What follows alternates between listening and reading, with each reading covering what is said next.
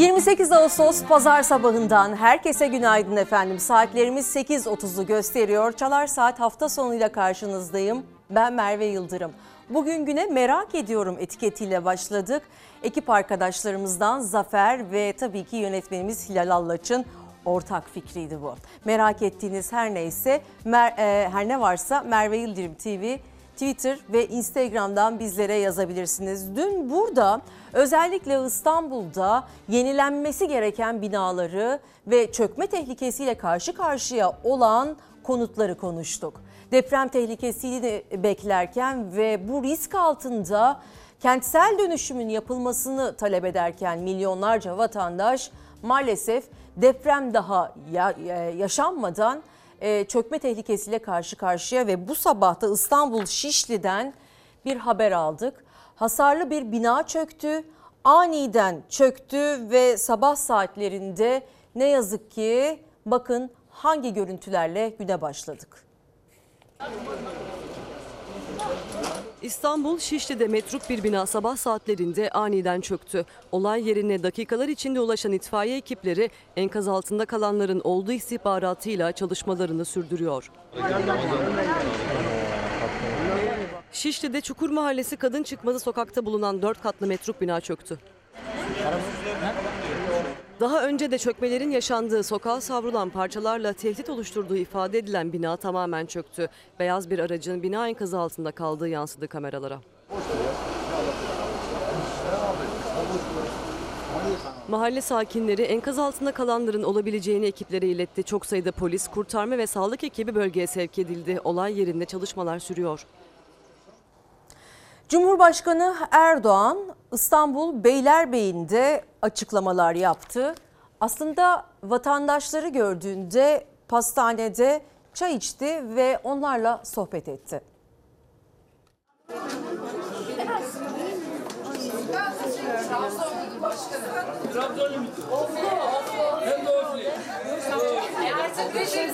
Cumhurbaşkanı Erdoğan bir pastanede vatandaşlarla sohbet etti, çay içti. En büyük ilgiyi ise çocuklardan gördü. Elazığlı başkanım.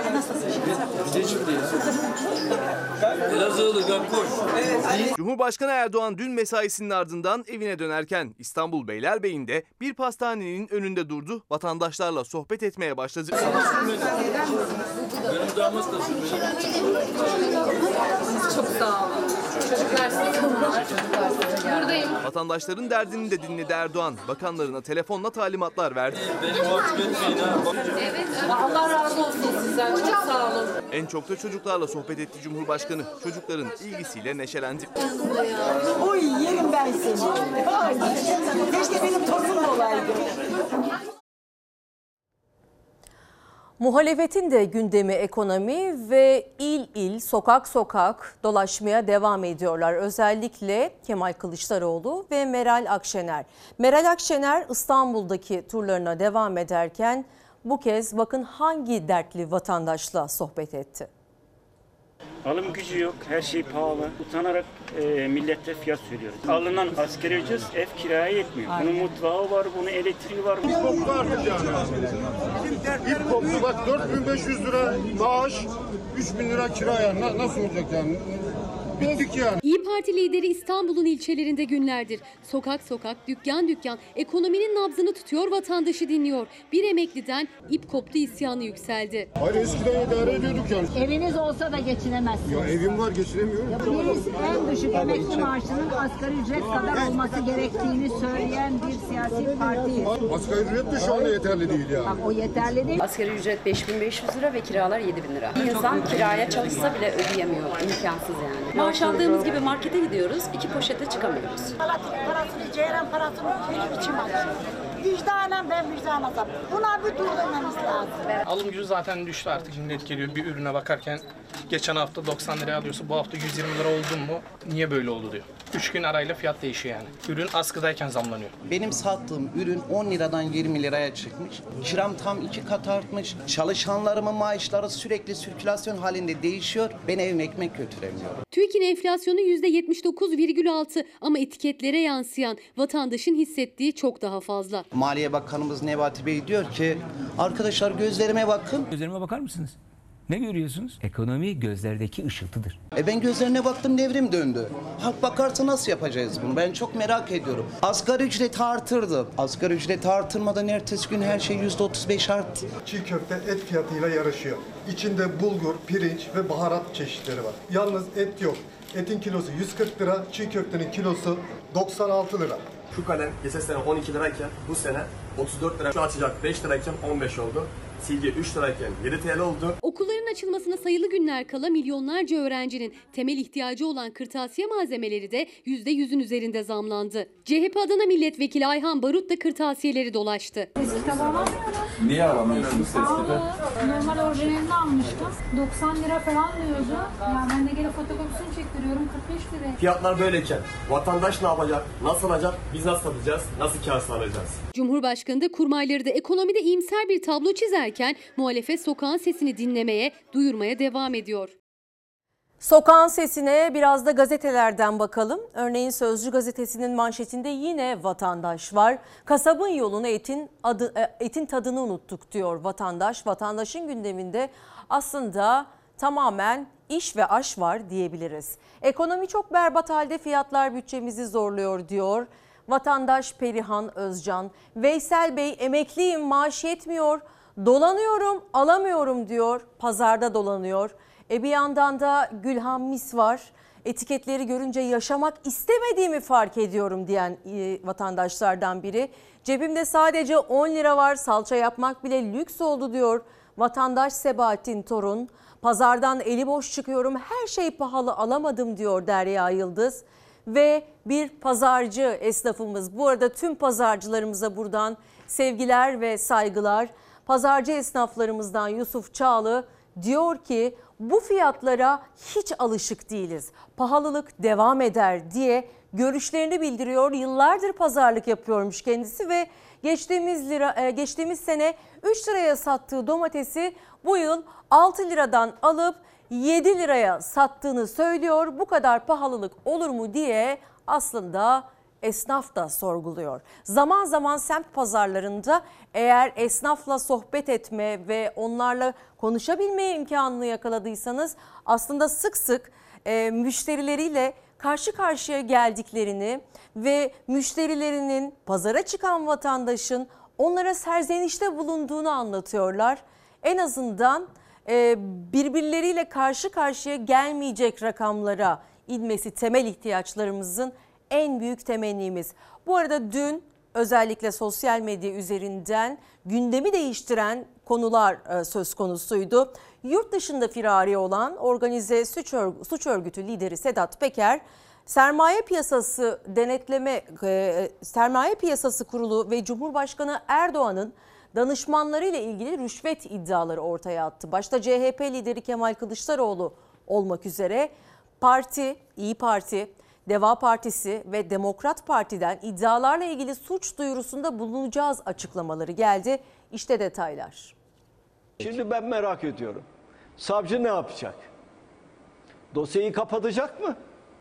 Yoksa gerçekten bütün ayrıntılara girip anlatacak mı? Pazartesi parti örgütümüz suç duyurusunda bulunacak. Vatan kurtaran savcı ve hakim. Haydi göreyim sizi. Hem konser falan değil. Konu SPK. Siyaset rüşvet iddiasıyla çalkalanıyor. Eski SPK Başkanı Ali Fuat Taşkesenoğlu'yla Cumhurbaşkanı danışmanı Serkan Taranoğlu'nun da aralarında olduğu isimlerin milyonlarca lira rüşvet aldığını firari suç örgütü lideri Sedat Peker iddia etti. Muhalefet o iddialar karşısında suç duyurusuna hazırlanıyor. Sedat Peker'in iddia ve ifşaları örtbas edilemez. Adalet Bakanı Bekir Bozdağ açık çağrımdır. Ya görevinizi hakkıyla yapın, yargının üzerinden baskınızı çekin ya da gücünüz yetmiyorsa onurunuzla istifa edin. Koskoca Türkiye Cumhuriyeti'ni kabile devleti gibi yönetemezsiniz. İtiraf ediyor ya. Ben bunu yaptım diyor. Sedat Peker daha önce İçişleri Bakanı Süleyman Soylu, AK Parti Milletvekili Tolga Ağar, Mehmet Ağar ve Binali Yıldırım'ın oğlunun da aralarında olduğu birçok isimle ilgili önemli iddialar gündeme getirmişti. Bu kez bürokrasiden Cumhurbaşkanlığına uzanan rüşvet iddiasıyla gündemde. Eski SPK Başkanı Ali Fuat Taşkesenoğlu ve kardeşi AK Parti Milletvekili Zehra Taşkesenoğlu'yla Cumhurbaşkanı danışmanı Serkan Taranoğlu'nun aralarında olduğu isimlerin bazı iş insanlarından iş çözme vaadiyle milyonlarca lira rüşvet aldığını yazdı sosyal medyadan. Bir suç örgütü lideri var Sedat Peker. Açıklamalar yapıyor. Hangi savcı harekete geçti? Adı yolsuzluğa karışan bürokratlar derhal görevden alınmalı ve haklarında soruşturma başlatılmalıdır. Ayrıca iddiaların odağındaki kişi de ya derhal kamuoyunu aydınlatacak bir açıklama yapmalı veya milletvekilliğinden istifa etmelidir. Ortada bir siyasi fikir, ideoloji ya da hedef uğruna bir araya gelmiş siyasi bir teşekkül değil, yukarıdan aşağıya cürüm işlemek için organize olmuş bir suç örgütü var. Kişi yer veriyor, zaman veriyor, saat veriyor, isim veriyor. Daha ne versin ya? Firari suç örgütü lideri Sedat Peker'in rüşvet suçlaması yönelttiği eski SPK başkanı da AK Parti milletvekili de Cumhurbaşkanı danışmanları da sessiz. Yargıda ama muhalefet o iddialarla ilgili suç duyurusunda bulunacağını açıkladı. CHP lideri suç duyurusunda bulunduktan sonra ne olacağını merak ediyorum dedi. Bu ülkede ya bir cumhuriyet savcısı yok mu ya? Bir dakika demesi lazım değil mi ya? Evrensel Gazetesi'nden konuya dair bir detay 12 milyonluk rüşvet iddiası organize suç örgütü liderliği suçlamasıyla hakkında yakalama kararı olan Sedat Peker AKP'li bürokratlara dair rüşvet ve yolsuzluk ağları ile ilgili bilgiler paylaştı ve Peker SPK Başkanı Zehra Taşkesenli oğlunun marka yatırım holdingi sahibi Mine Tozlu e, Sine- Sineren, Sineren'den 12 milyon lira rüşvet istediğini iddia etti. Konular bu yönde bakalım herhangi bir açıklama gelecek mi? Ve CHP İstanbul'da 80 günde devre alem projesi başlattı. Ve bugüne kadar 2,5 milyon evin kapısını çalmasıyla birlikte sorunları tek tek dinlemeye ve çözüm planları hazırlamaya e, devam ediyor. İl Başkanı Canan Kaftancıoğlu da o evlerde karşılaşılan manzaraları anlattı. 80 günde devre alem çalışmamızla birlikte 2 milyon 273 bin 754'ünün kapısına Cumhuriyet Halk Partisi örgütleri tarafından gidildi ve zilleri çalındı. Ve şu anda bile bu kapılar sahada bulunan öbek sorumlularımız tarafından çalınmaya devam ediliyor. 80 günde devre alem diyerek İstanbul'da yola çıktılar. Kapı kapı gezdiler. Cumhuriyet Halk Partisi sorunları hanelerde yerinde inceledi. Bir puzzle'a benzettiğimiz 10 ayaklı, birbirini tamamlayan ve birbirini bütünleyen bir şekilde çalışmalarımızı sürdürüyoruz bugüne kadar olduğu gibi. Barınma ve deprem İstanbul'un en büyük sorunlarından kentsel dönüşümde birçok kapıdan şikayet geldi. Kentsel dönüşümle ilgili zaten barınma sorunu var. Vatandaşın hali ortada. Sağlık hizmetlerine ve ilaca erişim, bazı mahallelerde uyuşturucu çeteleri ve işsizlik. CHP'nin raporladığı başlıca sorunlardan. İl Başkanı Canan Kaftancıoğlu'na göre siyaseten atılacak en önemli adımsa yurt dışında okuma ve yaşama hayali kuran gençlere yeniden umut verebilmek. Gençlerin yeniden e, ülkeye dönmesi, yeniden hayal kurabilmeye başlamaları çok da zor değil aslında sevgili Hilmi. Bir, o kadar net ve e, kolay bir iş ki, zorun kolayı demek daha doğru belki. Yeniden demokrasiyi tesis ettiğimizde. Yeter ki yapmak isteyin. Bu arada son e, zamanlarda özellikle verdiği vaatlerin seçim döneminde biz geldiğimizde bunu bunu yapacağız sözlerinin ardından hükümet tarafından yapılan e, açıklamalar ve konuların birbiriyle çakışması konusunda gündemde olan özellikle CHP Genel Başkanı Kemal Kılıçdaroğlu'nun başka açıklamaları da var. Biraz kafa çalıştırın, önlem alın diyor CHP lideri. Çağrılardan sonra birçok alanda düzenlemeye gidildi ve son olarak Kılıçdaroğlu'nun vatandaşa ödemeyin çağrısının ardından 30 milyar liralık borcun tasfiyesine dönük adım atıldı. Hakkında yapılan Bay Kemal'in köstebeği kim manşetini paylaşan Kılıçdaroğlu EYT'yi çözün. Sonra ağlıyorsunuz, gece yarısı manşetleri değiştiriyorsunuz. Böyle komik algı operasyonları yapmak zorunda kalıyorsunuz. Öğretmenler konusunda da ısrar edeceğim çok aşikar. Biraz kafa çalıştırın yahu. Önden önlem alıp çözüm. Ağlak bir sarayda hiç çekilmiyor sözleriyle bu iddialara cevap verdi. Bu arada bir tabii ki köstebek meselesi var. Köstebek polemiği var. CHP Kemal, CHP liderinin e, Kemal Kılıçdaroğlu'nun başka cevapları da var. Yeni Şafak gazetesi bugün basın tarihine geçecek bir manşetler çıkmış. E benim en ciddi köstebeğim sarayda oturuyorum. Erdoğan. İktidara yakın Yeni Şafak gazetesinin manşetini bu sözlerle hedef aldı CHP lideri. Çünkü gazete CHP liderine bürokrasiden bazı kişilerin iktidarın atacağı adımları önceden söylediği iddiasını taşıdı manşete. Bay Kemal'in köstebeği kim diye sordu. Allah akıl fikir versin. Eyvah Kemal Bey yine önemli bir önderlikte bulunuyor diye korkuyla, panikle bu işi bir an önce yapanlar şimdi gitmişler içeride köstebek arıyorlar. Emekliye iki ikramiye, asgari ücretin 900 liradan 1500 liraya çıkması ve sonrasındaki artışlar taşerona kadro, CHP liderinin dile getirmesinden sonra iktidarın attığı adımlardı. KYK borçlarının faizlerinin silinmesi de. Bay Kemal gibi cevap verirsek sildim gittim der. Kredi geri ödemelerinin herhangi bir enflasyon farkı veya faiz uygulaması olmaksızın sadece alınan kredi rakamı üzerinden yapılmasını kararlaştırdık. Faizler arttıkça ödeme şansı kalmayan insanların borçlarına bankalar ne yapıyor? Borçlarınızı varlık şirketlerine satıyorlar. Sakın, sakın ödemeyin. Seçimden sonra onlarla ben konuşacağım ben. CHP liderinin son hamlesi bankalara olan borçları varlık şirketlerine satılan vatandaşlara yönelikti. Borcunuzu ödemeyin, iktidar değişecek dedi CHP lideri. O açıklamadan saatler sonra Hazine ve Maliye Bakanı Nurettin Nebati 9 milyona yakın vatandaşın 30 milyar tutarında icralık borcunun silineceğini açıkladı. Dar gelirli vatandaşlarımızın da hep yanında olmaya devam ediyor. Yaklaşık 30 milyar lira tutarındaki icralık borçlarını yakında tasfiye ediyoruz. Rol kapmaya dönük her yeni manevranız tüm milletimizde bir kez daha dejavu duygusuna sebep oluyor. Bu konuyu biz daha önceki seçimlerde de dile getirdik. 3600'ü de söyledim, taşeron işçileri de söyledim. Başka ne o kadar çok şey söyledim. KYK'lılar. KYK'lıları söyledim, borçları söyledim. Daha bundan sonra da söyleyeceğim. 7 yıl önce Edirne mitinginde ilk kez Kemal Kılıçdaroğlu kredilerin faizlerinin silinmesinden, vatandaşın varlık yönetim şirketlerinin elinden kurtarılmasından bahsediyor. İktidara yakın Yeni Şafak gazetesi Kılıçdaroğlu'nun bürokrasi içinden bilgi aldığını, iktidarın atacağı adımları önceden öğrendiğini ve bunun üzerine açıklamalar yaptığını iddia etti. Bay Kemal'in köstebeği kim manşeti CHP liderinin de gündemindeydi.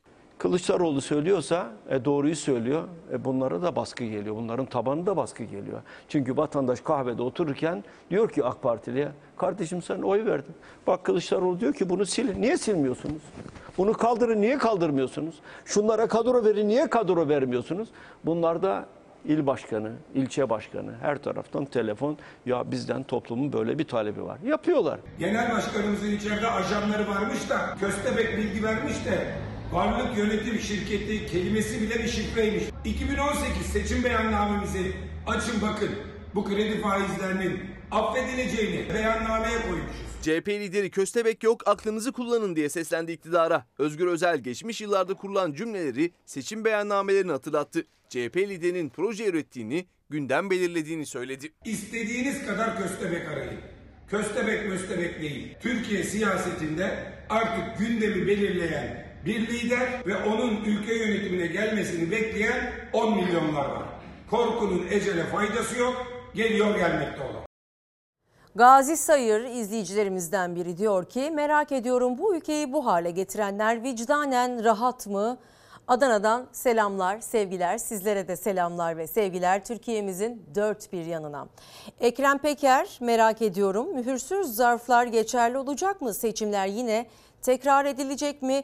Trafolara kedi girecek mi? E, cümleleriyle bize merak ettiklerini dile getirdi. Doktor Aysel alınan rüşvetler ceza konusu olacak mı? Kapatılacak mı? Merak ediyorum diyor. Merak ettiklerinizi Merve İldirim TV, Twitter ve Instagram'dan bizlerle paylaşabilirsiniz. Efendim yaklaşık 9 milyon icra dosyasını devlet üstleneceğini açıkladı. Ama bu açıklamalar yapıldığı sırada bile pek çok vatandaş icralık oluyordu. Öyle rakamlara ulaştı ki icra dosyaları işin içinden nasıl çıkılacak merak konusu. Vallahi 4 senedir 5 senedir ödemiyorum. İcralık mısınız? Öyle diyorlar ar- arıyor avukat ama ben diyorum verecek param yok diyorum. Aciz geleceksen gel kardeşim. Gel buyur gel kapım açık. Ne alacaksın al. İcralık bir durumunuz var mı? Var tabii. Görmüyor musunuz? Yani aldığın paraya bak, harcayacağın paraya, mutfağa bak bir ya.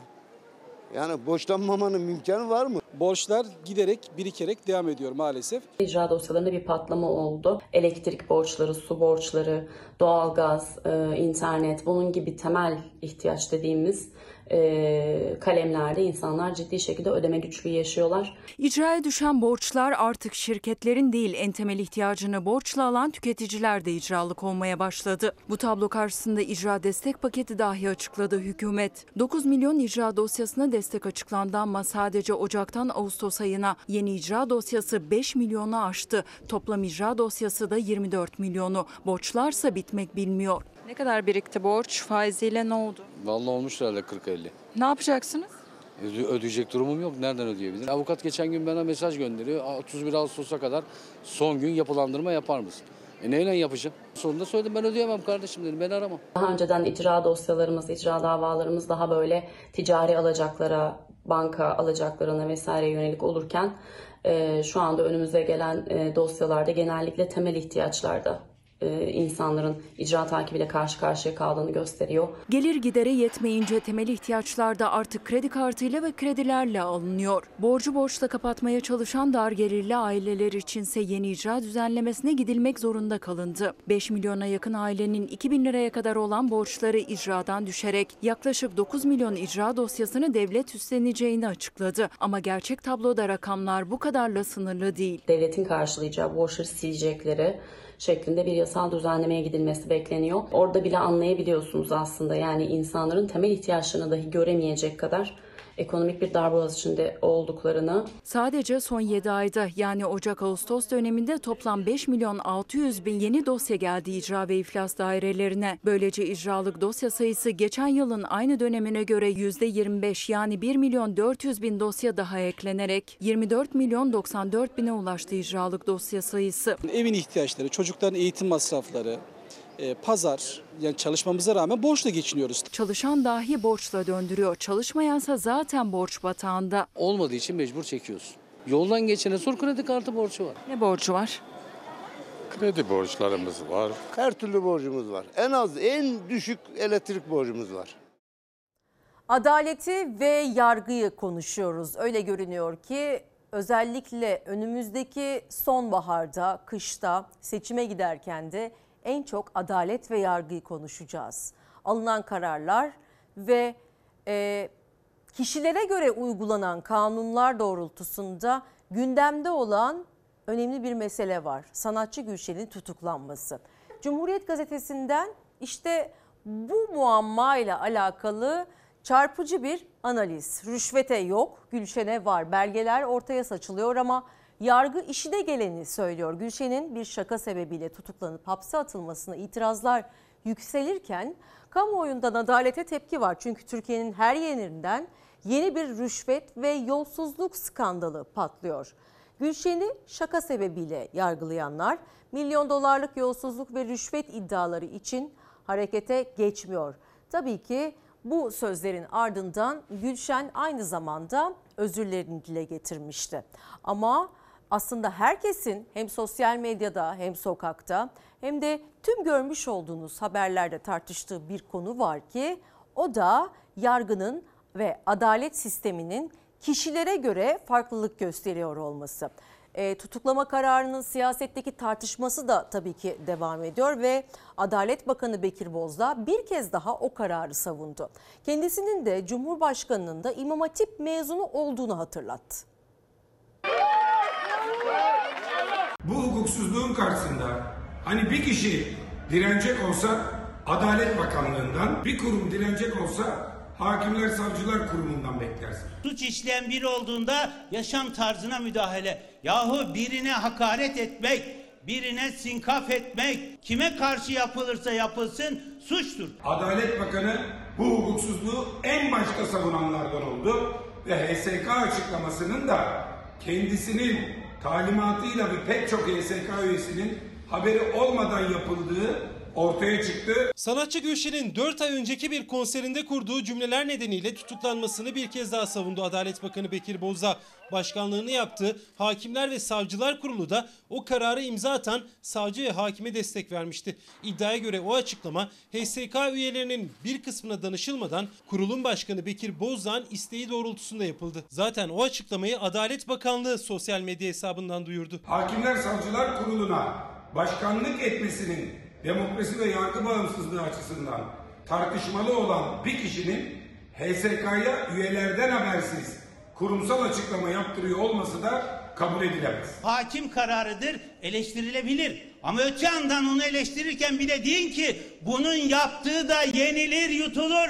Bu şey değildir. Bir de bunu değil. Maksadı aşan e, bir espridir. Bunun 4 ay durup buzdolabında saklanıp Türkiye'nin bu gündeminde sosyal medya üzerinden servis edilmesi, bir takım bakanların durumdan vazife çıkararak beyanda bulunmaları, o bakanlıklara bağlı kurumların harekete geçmeleri, Türkiye'ye yakışmayan tartışmaların yaşanmasına da vesile olur. Milletin evlatlarını okuduğu okula göre ayrımcılık yapan, nefret dilini kullanan kim? Kendisinin özür dilediği bir süreçte öyle bir kutuplaşmadan medet ummaya kurban gitti ki her şey, Adalet ve Kalkınma Partisi'nde siyaset yapan herkesin yargıya talimat vermesi ve bu talimatın harfiyen yerine getirilmesi sonucuyla karşı karşıya. Aslında ne iktidardan ne de muhalefetten bir isim Gülşen'in imam hatiplerle ilgili sözlerini savundu ama tutuklama kararına muhalefet gibi AK Parti içinden de tepki yükseldi. AK Parti MKYK üyesi Şamil Tayyar vicdanlarda kabul görmedi dedi. Muhalefet sanatçı Gülşen daha gözaltına alınmadan başta Adalet Bakanı olmak üzere iktidar cephesinden gelen açıklamalarla yargıya talimat verildiğini söylerken Adalet Bakanı Bozdağ kendisinin de Cumhurbaşkanı'nın da İmam Hatip mezunu olmasını hatırlattı. Adalet Bakanı konuşmazmış. Yahu bana hakaret ediyor. Cumhurbaşkanımız İmam Hatipli ona hakaret ediyor. Biz konuşmayacak mıyız? Bu yargıya müdahale değildir. Yargıya müdahaleyi Sayın Kılıçdaroğlu yapıyor. Bu haber çıkmadan önce Türkiye'nin gündemi neydi? 180 milyon dolar rüşvet iddiası ile ilgili bir bürokrat konuşuluyordu Türkiye'de. Yoksulluk, yolsuzluk konuşuluyor. Bu gündemi aldınız. Yerine bir sanatçının 4 ay önce yaptığı bir şeyi koydunuz. Bunu yaparken de sırf bir tahkimat yapabilmek adına adaleti, yargıyı zorladınız ve orantısız bir sonuçla karşı karşıya getirdiniz. Sanatçı Gülşen'in tutuklanmasına ilişkin siyasette tartışma sürerken Gülşen'in avukatının yaptığı itirazı yönelik üst mahkemenin vereceği karar bekleniyor. Keşke Adalet Bakanı Bekir Bozdağ'ın bu tepkilerini yolsuzluk soruşturmalarında cinsel istismara uğrayan çocuklarımızın haklarını savunurken ya da şiddet dolayısıyla e, ne yazık ki e, işkencelere maruz kalan kadınların e, arkasında durulmadığı zamanlarda görebilsek. Bu arada tabii ki bu konuyla alakalı pek çok e, yazardan ve gazeteciden de ortak görüşlerin geldiğini söyleyebiliriz. Örneğin Fatih Altaylı dün e, aranan kan bulundu yazısıyla e, fikirlerini dile getirmişti. Sonrasında öncesinde de daha e, evvel Sezen Aksu'ya yapılanları hatırlatmıştı. Sezen Aksu ağır lokmaydı yutamadılar. Gülşen kolay lokmaydı tutukladılar başlığıyla tekrar fikirlerini dile getirmişti ama Deniz Zeyrek Sözcü gazetesi yazarı Deniz Zeyrek'in de e, kaleme almış olduğu bu konuya dair kaleme almış olduğu yazısından kısa bir şey paylaşmak istiyorum. Gülşen'in tutuklanması es geçilecek bir gelişme olmadığı gibi Türkiye'de devlet yönetiminin ve yargının artık anayasaya, hukuka ve insan haklarına değil başka referanslara göre işlediğini gösteren bir gelişme diyerek e, dünkü yazısında bu konuyu gündeme getirdi Deniz Zeyrek. Onun da e, tekrar buradan sevgi ve saygılarımızı ileterek e, yazısını paylaşmak isterim efendim. Tabii ki siyasette de tepkiler devam ediyor. CHP lideri Kemal Kılıçdaroğlu dün Habertürk ekranlarındaydı ve İmam Hatipleri istismar konusu yapmak istiyorlar dedi. Başka sözleri de var sözleri eleştirdik zaten. Evet. Yani pek çok çevre hatta kendisi de zaten özür diledi. Özür yani İmam Hatiplerin bu ülkenin e, önemli okullarından e, olduğunu, orada e, gerçekten de iyi bir eğitim almaları gerektiğini zaten söyledi. Şimdi e, olayı saptırmak için çareler arıyorlar. Ama bana göre işin gerçeği şu. Şimdi biz ne arıyoruz bu ülkede? Adalet arıyoruz. O sözleri sözlerin yanlış olduğunu bizzat o sözleri dile getiren e, sanatçı söyledi mi? Evet söyledi. Özür Özür, diledi mi? Özür diledi. Şimdi bunun tutuklanmasını öngören, ben hukukçu değilim ama bütün hukukçular aşağı yukarı e, bunun tutuklanmaya e, neden olamayacağını, bu sözlerin olamayacağını söylediler zaten. Şimdi siz eğer belli çevrelerden talimat alıp tutuklama yaparsanız sorun orada büyür. Ben orada hakimlere ve savcılara da söyledim. Attım e, tweette. Hakimler ve savcıların da bu konuda dikkatli olmaları gerektiğini söyledim. Bakın bir şey söyleyeyim. Şimdi çevreler İmam Hatip dolayısıyla duyarlılık gösteriyor. Onların gösterdiği duyarlılıktan çok daha fazlasını biz gösteriyoruz. Peki ben o çevrelere şu soruyu sormak isterim. Bakara makara diye Kur'an'la dalga geçen bir insan için ne yaptılar? Bu ülkenin savcısı ne yaptı? Bu ülkenin Adalet Bakanı ne yaptı? Bu ülkenin Hakimler Savcılar Kurulu ne yaptı? Bu ülkenin Cumhurbaşkanı koltuğunda oturan zat ne yaptı? Sormak isterim. Ya bizim inancımızı, bütün İslam dünyasının e, bir anlamda ruhunu oluşturan kutsal kitabımız hakkında dalga geçen kişiye ne yaptılar? Büyükelçi tayin ettiler. İzleyicilerimizden biri Mizrap Bey diyor ki iktidar oy kaybettikçe herkese saldırıyor. Sürekli gündem değiştiriyorlar halen yalana, talana, haksızlığa, hukuksuzluğa, rantlara, yandaşlara her şey mübah. Halka gelince sizden bizden olaylarına devam ettirdiler. Merak ediyorum korkunun ecele faydası var mı? Bence yok diyen izleyicilerimizden biri. Ve bir başka izleyicimiz de yine Adana'dan ee, Adana'dan Nazan Karakışkaya. Hayat o kadar zor ki pahalılık en büyük sorun. Sonumuz ne olacak? Çok merak ediyorum diyor. Merve İldirim TV Twitter ve Instagram'dan sizler de yazmaya devam edebilirsiniz efendim. Malum yolcu garantili pek çok köprü inşa edildi. Şimdi Osman Gazi Köprüsü açılalı 6 yıl oldu ama bilanço da ortaya çıkmaya başlıyor. Bu 6 yılda garanti verilen 89 milyon araç vardı. Kaç araç geçti? 55 milyon. Fark 33.740 bin araçtı. Bunu biz cebimizden ödedik. Bu köprünün maliyetleri işte 1 milyar 400 milyon civarında olduğu söyleniyor. Osman Gazi Köprüsü'nden bahsediyoruz. 1 milyar 266 milyon 920 bin garanti ödemesi yaptı. 6 yılın sonunda ödenen bu tutar bir köprü parası. 89 milyon geçiş garantisi verildi, 55 milyon araç geçti. Osman Gazi Köprüsü'nün 6 yılda sadece geçmeyen araçlar için yaklaşık 1,3 milyar dolar ödendi. Köprünün maliyeti ise 1,4 milyar dolardı. Bir köprü parasının yolcu garantisi olarak ödendiği şirkete verilen tek garanti bu da değil. Bir de ücret garantisi var. Onun da maliyeti hazineden çıkıyor. Bir garanti edilen ücret var. Bir de garanti edilen e, yolcu sayısı var.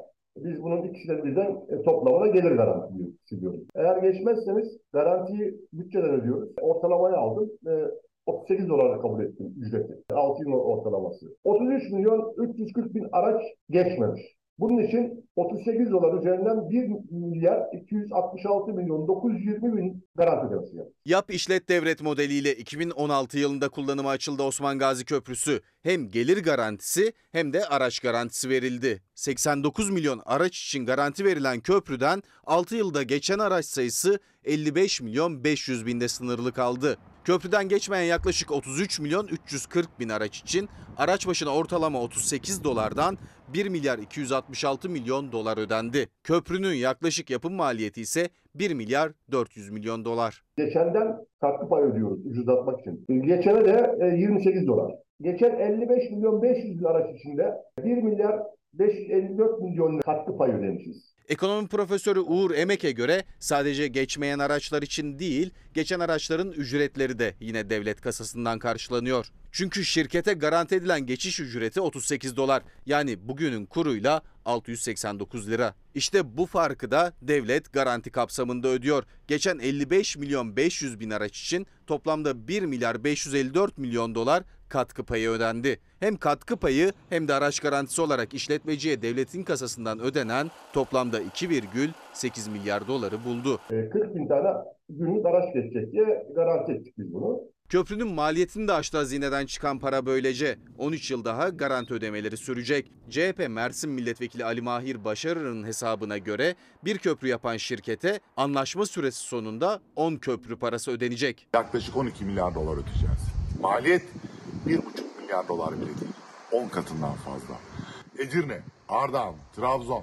Hayatında bu köprüyü görmeyen yurttaşlarımız cebinden bu paraları veriyor. Bir gazete detayı tabii ki ekonomi yansıması var arka planında. 9 Sütun gazetesinden Edirne'ye gelen Bulgar sayısı tam 20 bini buldu. Pasaportsuz Türkiye'ye girişlerine imkan tanınmasının ardından Edirne'ye alışverişe gelen Bulgar turist sayısı her geçen gün artıyor.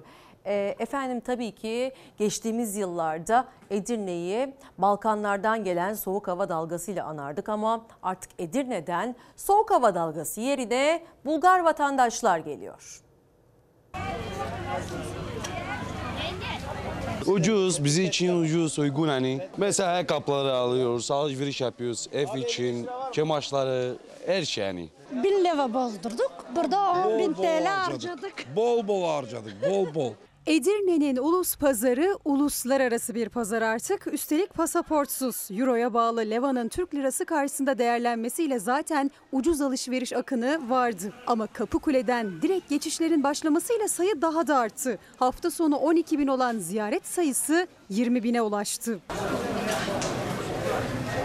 Cumhurbaşkanlığı kararından sonra kimlikle girişlerde ciddi anlamda bir artış var. Önümüzdeki günlerde bu artışın daha da artacağını bekliyoruz. Çünkü kapılarımız çok ciddi anlamda kalabalık. Bulgaristan vatandaşlarına Türkiye'ye pasaportsuz girilmesine imkan tanıyan karar sonrası sadece kimlikle sınırı geçen Bulgaristan vatandaşları artık kendi araçlarıyla gelmiyor. Tur otobüsleriyle giriyorlar Edirne'ye. İğneden ipliğe, hijyenden gıda alışverişine kadar tüm ihtiyaçlarını rahatlıkla alıyorlar. Çünkü bir Bulgar levası 9 lirayı aştı. Kimlikle gelenler çok var 2-3 haftadır. Leva yükseldi. Kimlikle geldik. Çok rahat bir şekilde geldik. Çıksınlar çıksınlar gelsinler. 10 bin TL harcadım. 1000 lira bozdurduk. Burada 10 bin TL harcadık. Bol bol harcadık, bol bol. Doldurdum arabanın bagajını. Bagaj, Zeytinyağısını, giysi, kaşkavalını, peynirini ne almadık ya. Fiyatları çok uygun abi. Her bir hafta buradayız. Her hafta. Bu sefer kimlikle geldik. Çok rahat geldik. Abi bizim bir limitimiz yok. Beğendiğimizi alıyoruz. Burası çok ucuz abi. Ucuz. Mallar da iyi. Güzel.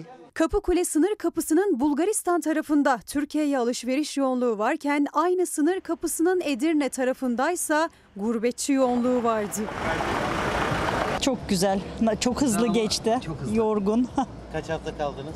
6 hafta. Şimdi nereye? Fransa'ya dönüş. Güzel tekrar seneye kadar özleyeceğiz. Denize gittik, yaylalara çıktık, her yeri gezdik. Bizim çok gidesimiz yok. Hem memleket hasreti gideriyorlar hem de turizm cennetinde güneşin, denizin tadını çıkarıyorlar. Avrupa'da okullar tatile girer girmez Türkiye'ye ortalama bir buçuk ay tatil için geliyor gurbetçiler. Şimdi de dönüş zamanı geldi.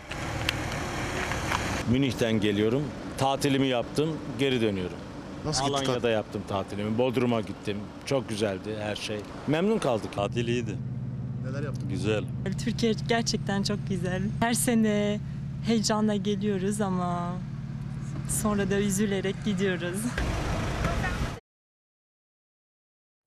Yeni Çağ gazetesinde bir detay var. Hemen onu sizlerle paylaşmak istiyorum. Şehirlerin Teksas'a dönmesi an meselesi. Şimdi az önce Bulgar turistlerimizin e, ülkeye kimlikle geldiği ve mutluluk dolu kahkahalarla ülkelerine geri döndüğü haberini paylaştık sizlerle. Türkiye Cumhuriyeti buradaki e, vatandaşları için yani kendi vatandaşı için oldukça pahalı ve zor şartlara dönüşmüş bir ülke olurken hem gurbetçilerimiz hem de dışarıdan gelen yabancı turistlerimiz için bedava bir ülke. Ve bir yandan da aslında e, şunu tartışıyoruz. Özellikle Ümit Özdağ e, gündeme getirmişti ve haftanın en önemli konularından biriydi. Suriyeli sığınmacılar meselesi. Bu kadar sığınmacı, bu kadar göçmen ve bu kadar Suriyeli vatandaş nasıl girdi bizim ülkemize ve nasıl vatandaşlık aldı. Bir yandan İçişleri Bakanı Süleyman Soylu, diğer yandan da Ümit Özdağ'ın farklı farklı rakamlar vermesi iddiaları karıştırdı. Hepimiz sorguluyoruz. Acaba bu vatandaşlar bizim ileride karşımıza farklı meselelerle çıkacaklar mı? İşte Yeni Çağ gazetesinde de bu konuyla alakalı bir detay paylaşacağız. Şehirlerin Teksas'a dönmesi an meselesi. Suriyeli sığınmacılar ve Afgan kaçaklarla dolu kentlerde yaşayan vatandaşların silahlanmaya başladığını söyleyen CHP'li Orhan Sümer, can güvenliği derdindeki halk ruhsatlı ve ruhsatsız silahlanıyor. Şehirlerin Teksas'a dönmesi an meselesi uyarısı yaptı. Ve İçişleri Bakanı Süleyman Soylu'nun yanıtlamasını istedi bu soru önergesini. Ve bazı kentlerde silah ruhsatı için bağış adı altında para istendiği yönündeki iddiaları meclis gündemine taşıyıp bireysel silahlanmanın önüne geçilmesi çağrısında bulundu. İşte bu da sığınmacılarla alakalı ileride başımıza büyük işler açabilecek konulardan biri. Bu arada e, tabii ki emeklilerimizin de derdi bitmiyor. Promosyon meselesiyle alakalı daha fazla promosyon alabilmek adına banka değiştirmeye çalışıyorlar. Tabii ki bankalar her zaman daha uyanık ve eğer borçları varsa bu konuda bazı sınırlandırmaları var. Ama emeklilerimiz lütfen dikkat etsinler. Bakın bu haberde başına gelen Musa Güzel'in. İETT'de 25 yıl işçi olarak çalıştı Musa Güzel. Emekli ikramiyesinin 200 bin lirasını kendisini banka görevlisi olarak tanıtan kişilere kaptırdı. Telefonla arandı. Banka görevlisi zannettiği kişi ne yazık ki dolandırıcıydı. Efendim bankaların önünde emeklilerin promosyon kuyruğu uzuyor. Aslında emekliler bankalarını değiştirme taraftarı değil ama kamu bankaları özel bankaların onda biri kadar promosyon verdiği için onlar da böyle bir yola girişmek durumundalar. Türkiye Emekliler Derneği Başkanı da kamu bankalarının düşük promosyonlar ödemesine tepki gösteriyor. Ama kamu bankalar da böyle verse niye milleti perişan? Çile bitmiyor. Emekler yarışa girdi. Şimdi hangi banka daha fazla veriyorsa o bankada kuyruk oluşturuyorlar. Bunun bir yasal düzenlemesi yapılmalı. Emekliyi de böyle yaz gününde e, sıkıntılı bir şekilde dolaştırmamak lazım. 38 senesinde emekli oldum. O zamandan beri buradan alıyordum. Şimdi buraya mı taşındın? Buraya geçtim. Neden? Ne yapayım 5-10 kuruş nerede şey? Üzüldünüz mü 40 yıllık banka şimdi değişik bir banka oldu. E, tabii değiş, olu- zor oluyor. Zorluk çektiniz mi? Tabii zor. Elinde kimliği, telefonu, torununu bekliyor sıcakta. 84 yaşındaki emekli 40 yıllık bankasını promosyon için değiştirecek. Maaşını aldığı kamu bankası 750 lira promosyon verince 10 katını veren özel bankaya geldi o da. Yüz binlerce emekli gibi en yüksek promosyonu veren bankaya geçmek için sıraya girdi. Burası da Eskişehir. Türkiye'nin her yerinde promosyon kuyrukları var. Yardımcı olması lazım. 30 sene, 40 sene bankadan almışım. Siz o para için ayırdığınız bir şey var mı? Torunlar var. 40 yıldır emekli maaşını aldı, kamu bankasını bıraktı emekli. 7500 lira promosyon alabilmek için özel bankaya geldi. Kimi torununa bir hediye, kimi evinin duvarını boyatabilmek için. Promosyonla ne yapacaksınız? Boya badana yaptırdık. Ona faydası oldu. Ev yaptık, yer yaptık. Şimdi yaptığımız evin boyasını yaptıramıyoruz. Yani böyle durumlara düştük. Emekli geçim derdinde kiradan, faturalardan, gıdadan başka hiçbir harcamasına bütçe ayıramıyor. Bu yüzden banka promosyonu can suyu oluyor. 2016 yılında Türkiye Emekliler Derneği'nin çabalarıyla emeklilere banka promosyonu verilmeye başlandı. Zamanla özel bankalar fazla promosyon vererek emeklilerin ilgisini çekti. Emekliler maaşlarını özel bankalara taşıdı. Aklı alışık olduğu kamu bankasında kalsa da aradaki fark 10 kat olunca ısrarla bankasında kalan emekli de şimdi yeni banka arayışında. 18 sene oldu emekli olalı ama devamlı bir kamu bankasından alıyoruz. Emeklinin de tek bir şeyi var, çaresi özel bankalara gelmek. Kalabalık tabii ki. Ama normal, millet haklıdır. 18 senedir aynı bankadan alıyorsan o bankanın da en azından bir emekliye bir faydası dokunması gerekiyor bence. Yüz binlerce, milyonlarca emeklinin kafası karışmış vaziyette. Kamu bankaları bunu ödüyor çalışanlara. E, emekliye niye ödemiyorlar? Hangisi fazla verirse millet hep oraya kayacak şimdi yani. Başka çaresi yok ya. Kamu bankaları da vermesi lazım. Bir iyilik göstermiyorlar. Emekliler kamu bankalarının da özel bankalar kadar promosyon vermesini istiyor. Çünkü hem banka değiştirmek istemiyorlar hem de bazı ilçelerde sadece kamu bankalarının şubesi var. Çaresiz kalıyorlar. Eskişehir'de emeklileri promosyon kuyruğunda ziyaret eden CHP milletvekili Jale Nur Süllü'ye de dert yandılar. Devlet bankaları 750 veriyor, bu 7500 veriyor. 7500 veriyor. Ama kalabalık. Temmuz ayında emekli maaşları ile Şimdi, ilgili şimdi bir bunları konuşmayacağım. Orada orada konuşuyorum. Bütün milletimizi İstanbul Büyükşehir Belediye Bütün Başkanı'nın millet- obezite ile ilgili açıklaması oldu. iyiliğin zamanı. Hadi bakalım. Gerçeğin peşine düştük, ısrarla sorduk. Bu ziyaretlerden CHP Genel Merkezi rahatsız mı? Mutlaka selamımı ilet der. Başkent Gaz'ın Ensar Vakfı'na aktardığı 7 milyon 925 bin dolar vergi kaçırıldığını iddia ediyorlar. Sıcak anların tanığı olduk. Yanında iki binada da ağır hasar vardı. Çatısından alevler yükselen hastaneyi şu anda söndürme çalışmaları devam ediyor. Haberi yerinden aktardık. Polis engel olmaya çalışıyor, sağlık çalışanları ise yola çıkmaya çalışıyor. Çorlu'da yakınlarını kaybeden aileler yürüyüşe geçtiler. Kameralar önünde konuşulmayanı anlattık. Başkent kulislerinin perdesini araladık. güçlendirilmiş parlamenter sistem hedefiyle yürüyoruz dediler. AYM kararıyla da meclisin kararı yok hükmünde sayılmıyor. Çocuğuna bir diyor yapacak. Bir tarla satıyor. Süt satışı da bitti. Gerçek çiftçi bu ülkenin köylüsü faydalanabiliyor. Birlikte dertlendik. Bunun için para istemeyin. Bu iş çözülmeyecek. Sormak isterim sosyal devlet anlayışı nedir? Memleketteki bütün kalemlere bakacağız. Anıtkabir avlusunda o özlem daha ayrı. Belli branşta hasta kabul eden özel hastanelerin sadece 2 milyon çalışanı ilgilendiriyor. Sabah erken saatlerinde gelip sıraya girip bu balçık bayağı vakum gibi çekiyor. Bombanın düştüğü yer işte tam da burası. İçeride kalanlar dışarıya çıkartıldı. Kurulan işte o teleferikler. Elektrik ve suları kesildi. Satışı arttırmak için yumurtada kampanya yaptı. Üstelik bir de başvurup da alamayanlar var. Araştırdık, takip ettik, işin aslını anlattık. Tüm bu haberleri hazırlarken gücümüzü sadece ve sadece sizden alıyoruz. Yine soracağız, sorgulayacağız, saklamayacağız. Yalanı, talanı, olanı biteni anlatmaya devam edeceğiz. Bağımsız haberin adresi Fox Haber'de yeni yayın dönemi 29 Ağustos'ta başlıyor. Efendim şimdi bir reklam arası dönüşte buradayız.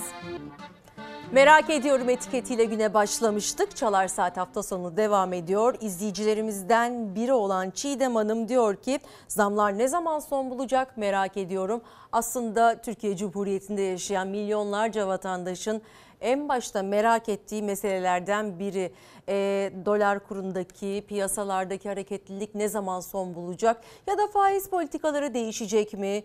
Bunun dışında enflasyonla mücadele konusunda önümüzdeki süreçte neler bekliyor bizi? Önümüz kış ve elektrik, doğalgaz faturaları ve tabii ki bunun yanı sıra eğitim ve öğretim masraflarıyla birlikte e, herkesin hanesinde farklı farklı zorlanmalar olacak. Bir yandan konut krizi, kira meselesi derken diğer yandan da enflasyon oranlarının altında kalan maaşlardan sık sık konu ediyoruz ve bu konuyu gündemde tutmaya çalışıyoruz efendim.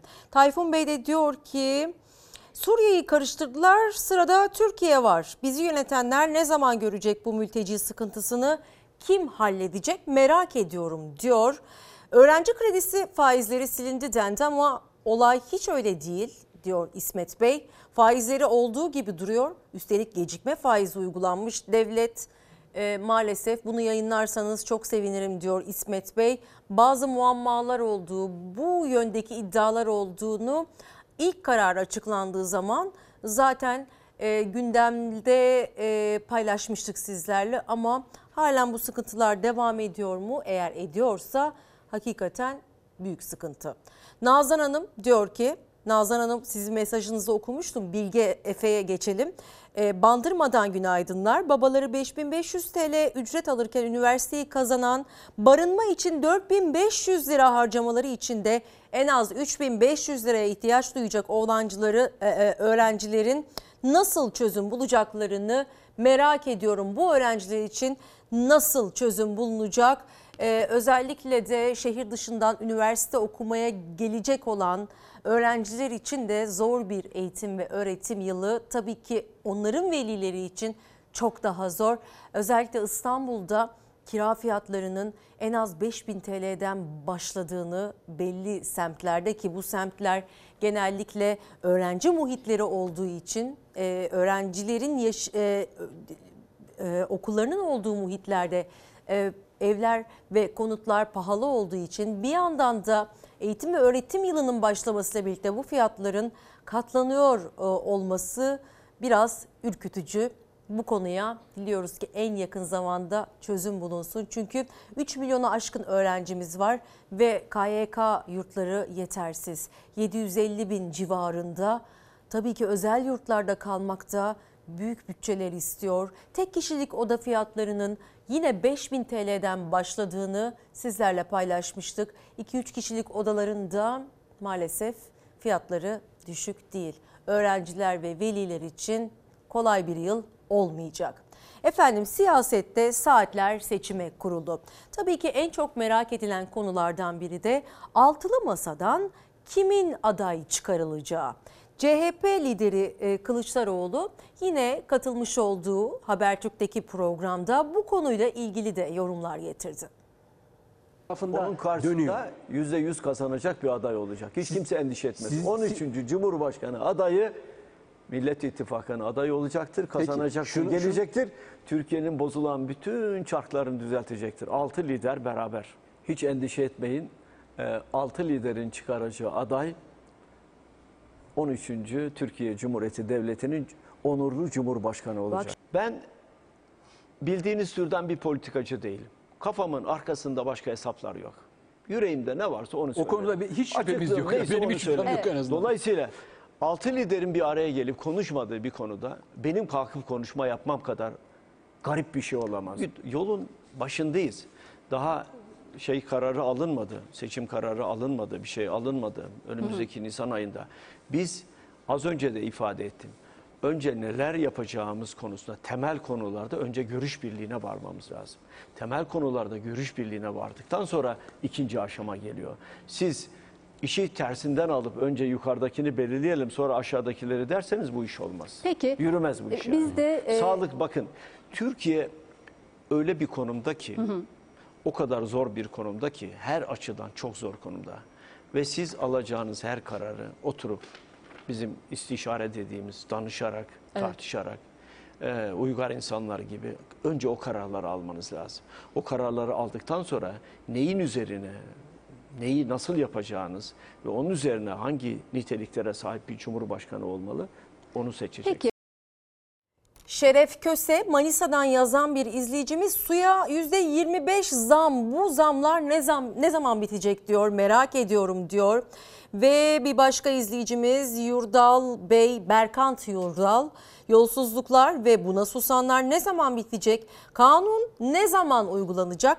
Kanunlar aslında e, kişiye göre uygulanmaktan ne zaman vazgeçilecek? Ben de bunu merak ediyorum açıkçası.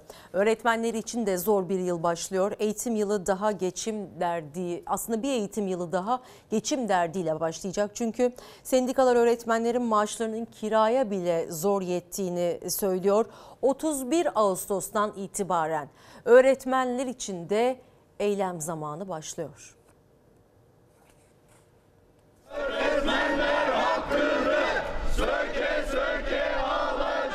4 yıl önce maaşımın dörtte biriyle İstanbul'da ev kiramı ödeyebiliyordum. Şimdi maaşımın tamamı ev kirama yetmiyor diyorum. Ya bu kadar acı bir tablodan bahsediyoruz. Eğitim emekçilerinin maaşlarında inanılmaz bir düşüş var. Aylık 611 e, euroyla geçiminizi sürdüremezsiniz. Hiç tasarruf edemezsiniz. Tasarruf edemediğiniz için de bir konut edinmek, bir araç, araba edinmek neredeyse mümkün değil. Öğretmenlerin altın, döviz, ev, otomobil hatta ayçiçek yağı karşısında eriyen yıldan yıla düşen alım güçleri gözler önüne serildi. Yine akıllarında geçim derdiyle öğrencileriyle buluşacaklar. Para biriktirmeyi çoktan unutan öğretmenler artık temel ihtiyaçlarını karşıladıklarında bile eksiye düşüyor. 1301 lira şu temel ihtiyaçlar üzerinden yaptığımız değerlendirmede bile eksidi öğretmen. Çocuğuna verdiği harçlık 200 lira. Bugün çocuklarımız okullarında yalnızca simit yeseler, ayran içseler o 200 lira aylık çocuklarımıza yetmez. Maaşını aldığında ödediği kira, faturalar, temel ihtiyaçlara ve gıdaya harcadığında 1301 lira eksiye düşüyor bir öğretmen. Eğitim İş Başkanı Kadem Özbay, Çalar Saat'te Ezgi Gözegere tabloları tek tek anlatarak gösterdi. Öğretmenlerin ne kadar zor durumda olduğunu anlatmak, seslerini duyurmak için. Öğretmenin maaşıyla alım gücünün açlık sınırına yaklaştığını görüyoruz. 2013 yılında ayçiçek yağı alımı 125,34 litre 29,66 litreye düşmüş. Yani 2022 yılının 5 maaşıyla litrelik yağdan ne kadar Ha, alabileceği? 5 beş litrelik yağdan, ne kadar, alabilir? Ee, yani Evet, neredeyse 125, 5'te 29 birine düşmüş tabii. diyebiliriz alabildiği yağ oranı bir evet. maaşıyla. 2013'ten 2022'ye öğretmenin maaşıyla alabildiği ayçiçek yağı dörtte birine düştü. Eğitim İş'in araştırmasına göre son 6 ayda öğretmen maaşıyla en çok 4 adet çeyrek altın alınabilirken bu rakam 2013 yılında 16 çeyrek altındı. 120 metrekare bir evi almak için bugün 127 öğretmen maaşı gerekiyor. Bu rakam 2013 yılında 56 maaştı. Eğitim sene göre de Türkiye'de öğretmen maaşları OECD ülkelerinin çok gerisinde. Türkiye'de gerçekten öğretmenlerin aylık ücretlerinin euro temelinde 611 seviyesine düştüğünü gözlemliyoruz. Hollanda'da bu rakamın 4700-5000 e, euro civarında olduğunu, Amerika Birleşik Devletleri'nde 5500 e, dolar olduğunu, Almanya'da 5000 ile 6500 euro arasında değiştiğini gö- gözlemliyoruz. İsviçre'de bu rakamlar çok daha, daha yüksek. 6000 ve 6500 euro arasında Öğretmenleri uzman öğretmen, baş öğretmen gibi kadrolara ayıracak kariyer sınavından vazgeçilmesi için 31 Ağustos'tan itibaren eğitim iş öncülüğünde yurdun dört bir yanında öğretmene saygı eylemleri yapılacak. Öğretmeni bu tabloya mahkum eden siyasi iradedir ve ona bakış açısı sorunlu olan siyasi yönetim anlayışıdır. Milli Eğitim Bakanlığı öğretmenleri yarıştırarak, birbirlerinden ayrıştırarak e, seçtiklerini yeterli diye ifade ettiklerine yüksek maaş verme eğilimine girdikleri için yasayla e, öğretmenlerimiz bu süreçten son derece rahatsız oldular. Evet, ücretli öğretmenler ders veremedikleri için yaz boyunca gelirsiz kaldılar. Böyle zor şartlar altında e, çalışıyoruz. Atamamız olmadığı için yazın köye geliyoruz. Ot biçiyoruz. Yıllarca okuduk. Her şeyimizi okumaya verdik. Gördüğünüz gibi yani bir öğretmenin e, bu şekilde yani bu halde olması e, bence bir hak değildir. Ben şu an kadrolu olsaydım bu dağda bu bayırda e, benim işim olmazdı. Mecburi olarak e, çocuklarıma bakmak için 3 tane çocuğum var. Atanamayan bu yüzden ücretli öğretmenlik yapan ama yaz tatilinde de çocuklarına bakmak zorunda kalan Mustafa öğretmen. Tatil için değil, çalışmak için köyde. Ot biçip satarak yaz dönemi geçimini sağlıyor Mustafa Aydemir. Ağrı'da kirada kalıyorum. Geçimimizi sağlamak için ot biçiyoruz, balya yapıp satıyoruz. Bizlerin yaz aylarında maaşları kesildiği için bizler yaz aylarında turizm bölgelerine gidip garsonluk yapıyoruz. Başka çareleri yok. Ya hizmet sektöründe çalışıyorlar ya tarlada. Çoğu kiradan faturalardan kaçmak için ailesinin yanına da sığınıyor yaz aylarında. Memur olamadığı için maaş alamayan, ders vermediği için ücretsiz kalan ücretli öğretmenler yazın borç içinde yaşıyor. 11 yıldır ücretli öğretmenlik yapmaktayım. Yaz tatilinde ne sigortamız yatıyor ne maaşımız yatıyor. Bu bizim için maddi anlamda çok büyük mağduriyet yaratıyor. Kredi kartına yükleniyoruz. Bankalarla tabii ki biraz sıkıntılar yaşıyoruz. Yaz tatilinde işsiz bırakılıyor, sigortasız bırakılıyor. Normal sağlık giderlerimizi bile karşılayamaz durumunda kalıyoruz. Bir müjde de ücretli çalışan öğretmenlerimize haftada 30 saat derse giren bir öğretmenin alacağı ücret 3400 liradan yüzde 68 artışla 5740 liraya yükselmektedir. 5740 lira. Yeni dönem için öğretmenlere müjde olarak açıkladı Cumhurbaşkanı Erdoğan. Asgari ücretin biraz üstünde bu gelir günde eğer 6 saat, haftada 5 gün yani ayda 120 saat ders verirlerse. Saat başı ücretleri 39 lira 20 kuruş olan ücretli öğretmenlerse bu kadar saat ders bile alamıyor. Çoğu 5740 liranın altında ücretle geçinmek zorunda kalıyor. Yani yazın işçi olarak sürdürdükleri geçim mücadelesi eğitim döneminde de artık öğretmen olsalar bile bitmiyor, devam ediyor. 5741 Türk lirasını kimsenin alamayacağı kanaatindeyim. Benim gibi çalışan her arkadaş 30 saat almamak gibi bir e, haksızlığa sahip olmaktadır. Sadece gelir kaybı yok, aynı zamanda güvencesizler. Yaz aylarında zaten sigortaları yatmıyor ama ücretli öğretmenlere tatil ve resmi bayramlarda da sigorta primi yatırılmıyor. Türk Eğitim Sen'e göre ücretli öğretmenlik artık bir model oldu atama yapmak yerine. Çünkü bir önceki yıl 69.326 olan ücretli öğretmen sayısı 2022 yılında 86.668'e ulaştı. Atanamayan öğretmenler saatlik ücret peşinde koşuyor ve hala kadro bekliyor. En az 10 bin ücretli öğretmen atama yapmasını bekliyoruz. 46'ın içinde kaç tane 5 var sayalım. Tülay Hanım diyor ki aslında Türkiye Cumhuriyeti'nde yaşayan ortalama ve asgari ücretli kesimdeki, yoksul kesimdeki herkesin ortak endişesini dile getirmiş. Ben çok duygulandım. Bir emekliyim ben diyor ve fabrikada 10 saat çalışıyorum. Bir oğlum var evlenme çağında karnımızı doyuramazken onu nasıl evlendireceğimi çok merak ediyorum diyor. Tabii ki hayat her nefeste yenilenir e, Tülay Hanım. E, bu durumun içerisinden er ya da geç çıkacağız ve bir şekilde bir şeyler değişecek ekonomik anlamda. Bu geçen süreçteki endişelerinizi inanın bana çok kalpten anlayabiliyorum. Ama biliyorum ki sizin bu mesajınızı duyan emeklilerimiz, asgari ücretlimiz, e, evladını okutmak zorunda olan, evlendirmek durumunda olan anne ve babalarımız çok kalbinde hissetmiştir. Diliyorum ki herkesin kalbindeki tüm endişeler bir an önce son bulsun ve yeniden kendimizi güvende hissettiğimiz, hukuki anlamda, ekonomik anlamda kendimizi güvende hissettiğimiz e, bir ortama kavuşalım. Benim de temennim bu aslında bu sabah. Bir başka izleyicimiz Ali Bey diyor ki gelecek nesillerin şu zamanda zam karşısında nasıl mücadele edeceğini, öğretim hayatı yaşayacaklarını merak ediyorum diyor. İşte bir endişeli izleyicimiz daha Ali Bey. Ali Bey'e de buradan sevgiler, saygılar. Merve İldirim TV, Twitter ve Instagram'dan merak ediyorum etiketiyle yorumlarınızı paylaşmaya devam edebilirsiniz. Eğitim ve öğretim yılı başlıyor. Gün boyu gazetesinden bu konuya dair başka bir istatistik okul alışverişi velileri şok etti.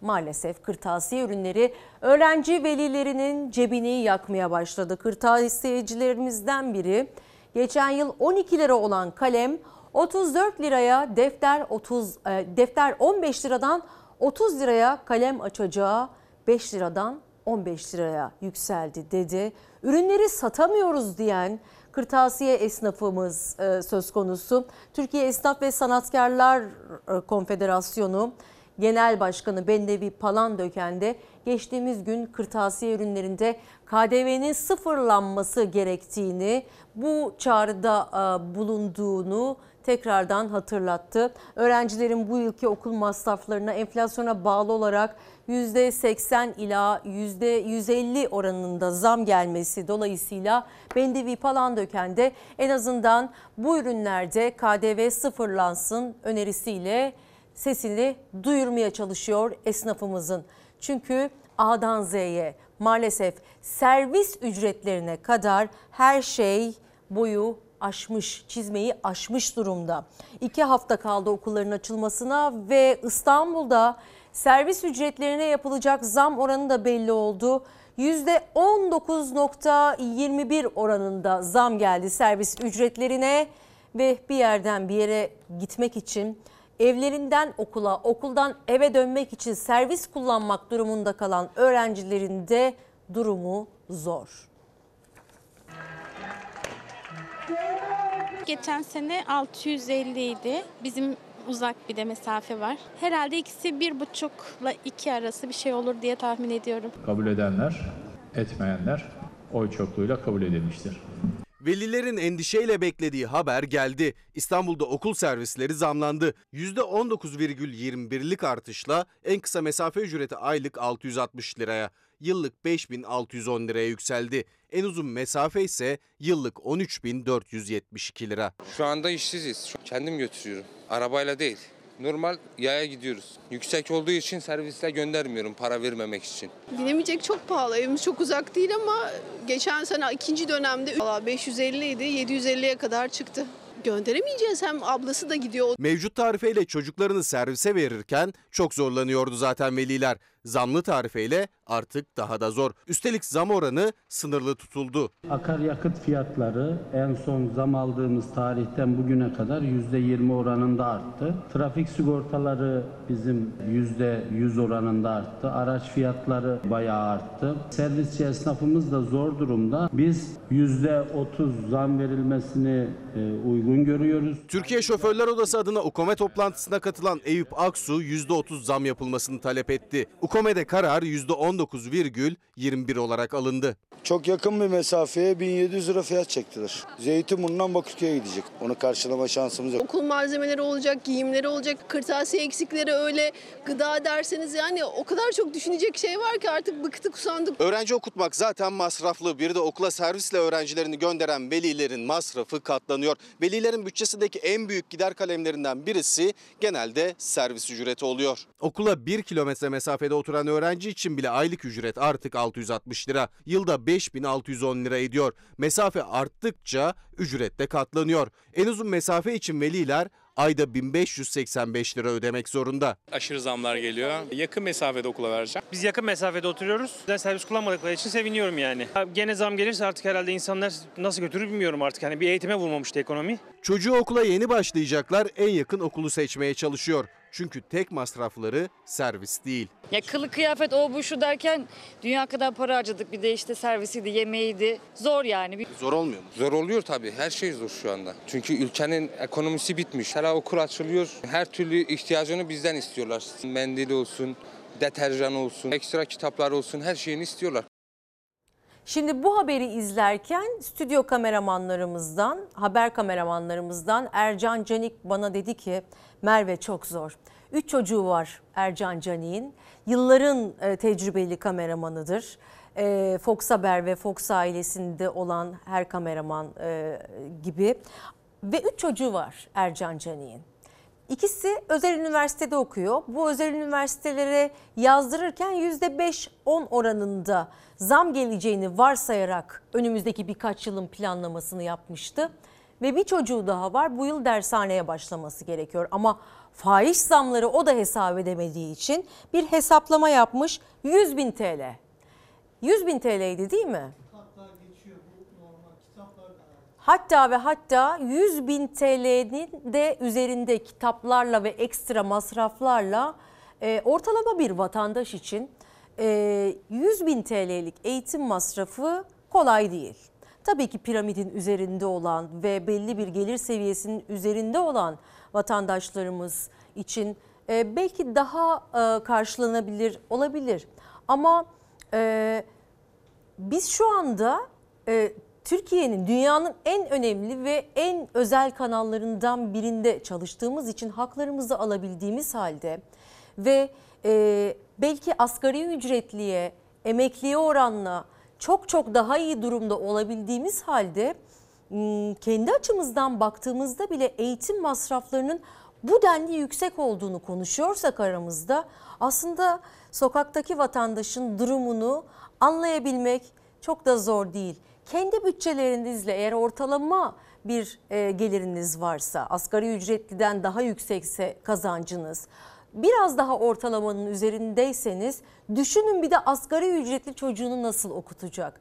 Ee, üniversitedeki faiz zamlar için bazı protestolar yapıldı, bazı eylemler yapıldı ama bu sorunu çözmüyor ne yazık ki.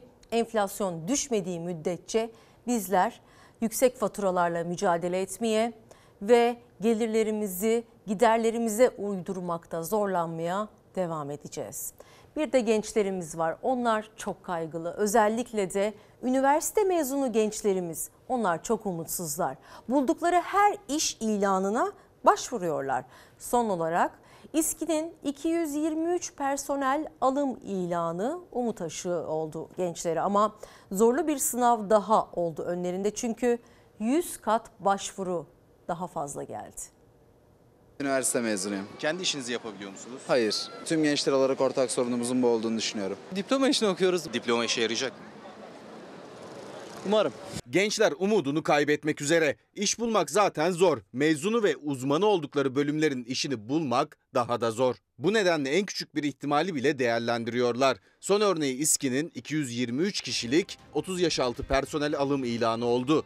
22.319 kişi başvurdu mühendis ve teknisyen kadroları için. Yani aranandan 100 kat fazla talep geldi. 15 günde 22.319 gencimiz müracaatta bulundu. İhtiyacın 100 katı gelen talep hassasiyetle incelenecek ve tüm alımlar liyakata göre yapılacaktır. 30 yaş altı gençler için açılmıştı ilan sadece. Yani giderek büyüyen, TÜİK'e göre %20,4 olan genç işsizler arasından seçilecekti. 116 mühendis, 76 teknisyen ve teknikerle 31 üniversite mezunu diğer personel. Toplam 223 kişilik yeni kadro için binlerce başvuru yağdı. Çalışma uzmanları bu tabloyu Türkiye gerçeği diye açıkladı. Bir Türkiye gerçeği olduğunu söylemek mümkün. Yani şu anda gençlerin e, iş hayatında karşılaştıkları zorluklar. Bu sözünü ettiğiniz kuyruklarda bekleyenlerin çok önemli bir bölümünü de gençler oluşturuyor kuşkusuz. Yeni mezun, üniversite mezunu. Türkiye'de son yıllarda şu görüş yaygınlaşmaya başladı. İş olursun olsun da ne olursa olsun. Nasıl çalışılırsa çalışılsın. Hayır bu e, kabul edilebilir bir durum değildir. Ailelerin binbir güçlükle okuttuğu gençler sınavda ter döküp yıllarca eğitimini aldıkları alanlarda çalışmak istiyor uzman olarak. Ancak vasıfsız eleman olarak hizmet sektöründe dar bir iş kadrosuyla karşı karşıya kalıyorlar. Bunu Cumhurbaşkanlığı verileri de doğruluyor. Bankacılık, sigortacılık mezunu olanların %11'i kendi alanında iş buluyor. İşletme mezunu olanların %18'i kendi alanlarında. Turizmde bu %10'a kadar e, düşüyor. Bunlar Cumhurbaşkanlığı verileri. Kendi işinizi mi yapıyorsunuz? Hayır. Ne iş yapıyorsunuz? Ee, ben tren sektöründe çalışıyorum. Peki Bakım ne olarak. Ee, tıbbi cihaz, biyomedikal ve işletme mezunuyum. Sektörümde iş bulamayınca bu sektöre yöneldim. Gençler iş bulsalar bile asgari ücretle başlıyorlar işe. Gençler hayallerinden de umutlarından da giderek uzaklaşıyor. En başlarda kimse mühendislik maaşlarıyla başlamıyor işe. Asgari ücretle. İlk başlarda öyle başladık. Ben de iş bula- bulacağımı zannetmiyorum. Yine de okuyayım bakalım. Yerimiz belli olsun. Özellikle ara eleman meselesi var Türkiye'de. Ee, ara eleman açığı söz konusu olduğu söyleniyor. Hatta bazen işsizlik yok ben eleman bulamıyorum diyen e, eminim ki çevrenizde tanıdıklarınız vardır. Ama bu noktada aslında bazı şeyleri analiz etmemiz gerekiyor. Çünkü bu bahsetmiş olduğumuz gençler nitelikli eğitimlerini almış ve belli bir mesleği olan gençler ve işsizlik rakamlarını konuşurken biz onlar üzerinden ilerliyoruz. Ara eleman açığı dolayısıyla işsizlik yok diyenleri e, e, dinlerken lütfen bu noktayı da atlamayalım. En önemli nokta aslında. Ama gençlerin cephesinden bu umutsuzluğu sizlerle paylaşmışken sağlık çalışanlarımızın ve doktorlarımızın da umutsuzluğunu, ümitsizliğini paylaşmadan geçemeyiz. Doktor göçü ne yazık ki devam ediyor. Sağlık sistemimizdeki sorunları her dakika dile getiriyoruz. Sistem alarm veriyor. Ama böyle giderse alarm başka bir kaosa daha dönüşmek için bekliyor pusuda diyebiliriz.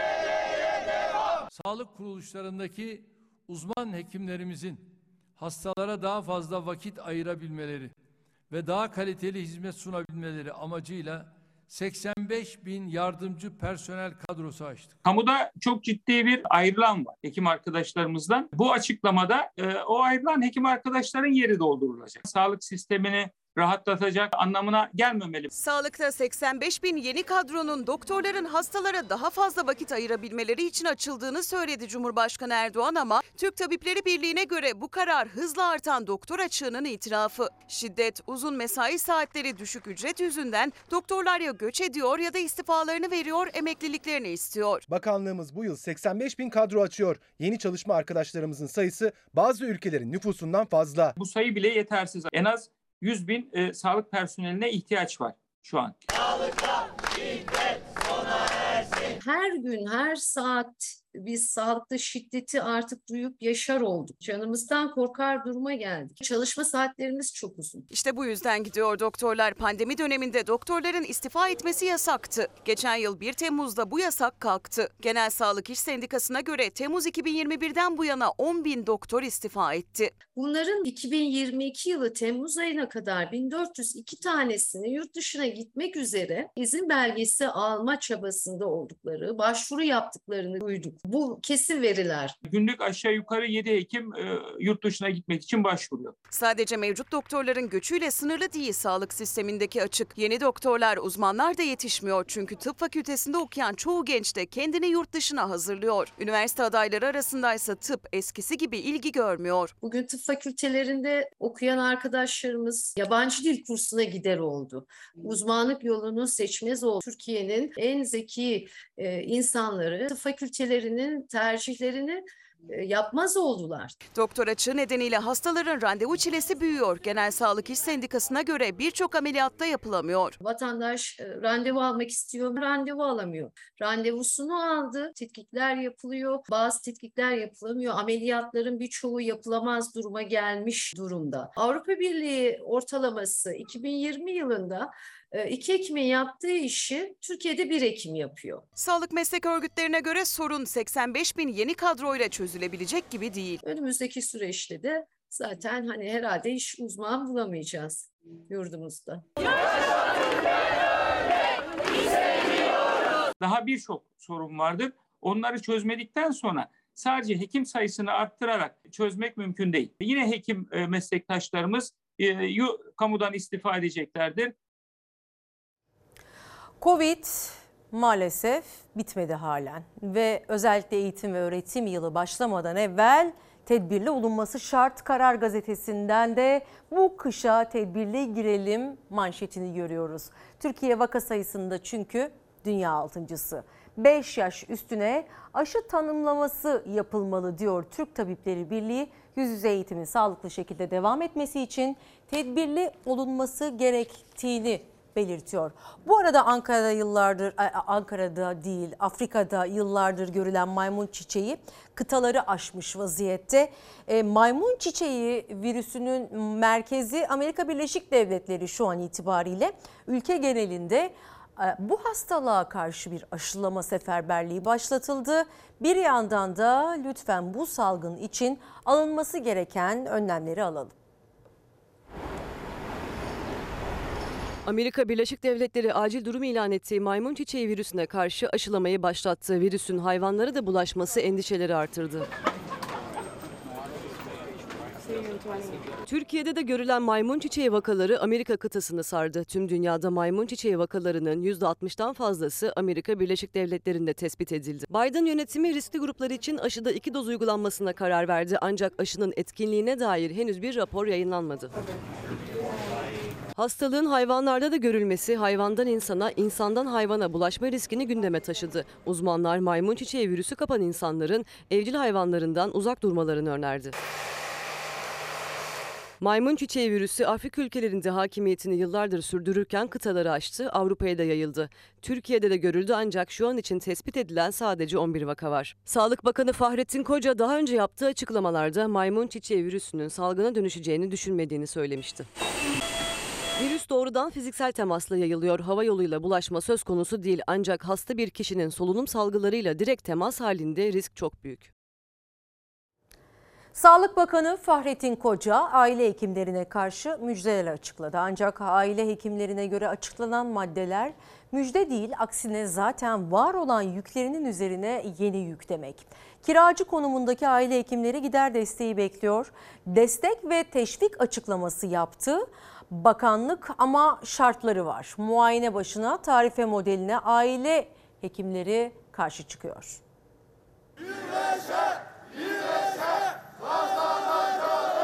Kiraların özellikle büyük şehirler için çok ciddi problemler içerdiğini, aile hekimlerinin ve aile sağlığı çalışanlarının ücretlerinin çok düşük kaldığını, özellikle yeni bir aile hekiminde çalışan bir hekimin asgari ücretten hallice ücret aldığını söylüyorduk ve bunlara bir düzenleme bekliyorduk. Aile hekimliği sözleşme ve ödeme yönetmeliğinde yapılan değişiklik resmi gazetede yayımlandı. Bu önemli gelişmeyle taban ek ödemesi ve teşvik ödemesinden yararlanacaklar. Ama gelen düzenleme ne yazık ki bizler için fiyasko oldu. Taleplerimiz bunlar değildi. Aile hekimleri defalarca taleplerini dile getirdi ama yine olmadı. Kiracı konumundaki hekimler maddi yük altında aile sağlığı merkezlerini ayakta tutmaya çabalarken talepleri işte bu yüke destekti. Sağlık Bakanı Fahrettin Koca'nın müjde olarak açıkladığı yeni yönetmelikte ise bu talep karşılık bulmadı. Aksine müjde olarak yeni yükler geldi aile hekimlerine. İddiaya göre hastanelerdeki doktor boşluğunu doldurmaları için aile hekimlerine muayene başına teşvik uygulaması getirildi.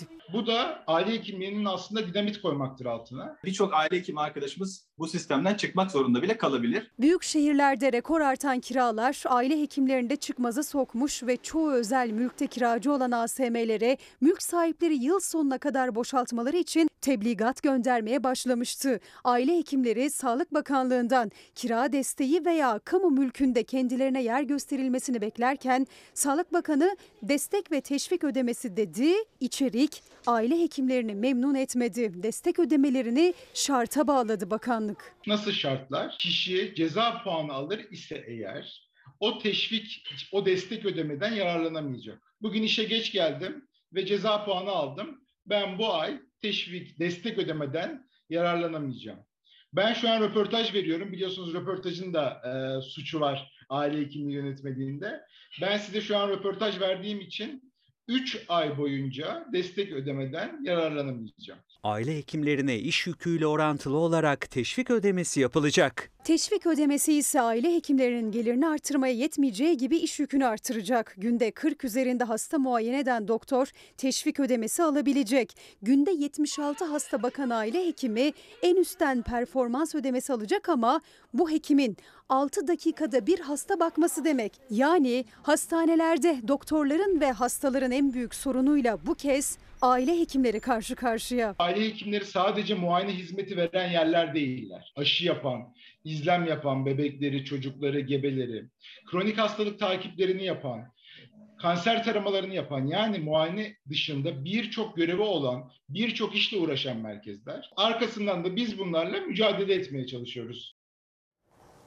Fiyatlardaki artışlara esnaf da yetişemiyor. 40 yıllık esnafım böyle pahalılık göremedim diyen bir esnafın e, serzenişini sizlerle paylaşalım. Esnaf Bekir Atlı özellikle okul kıyafetleriyle alakalı geçtiğimiz sene ilkokul öğrencisinin okul kıyafeti 4 parça ortalama 180 lirayla 220 lira civarı tutuyordu. Bu sene rakam minimum 370 lira. 40 yıldır okul kıyafetleri satıyorum. Daha önce bu kadar fiyat yıl, e, yıllık fiyat artışı görmedim diyor. Okul kıyafetleri, formalar ve e, bu konudaki zamlarda başka bir taraftan eğitim ve öğretim masraflarının ne kadar fazla katlanmış olduğunun göstergesi.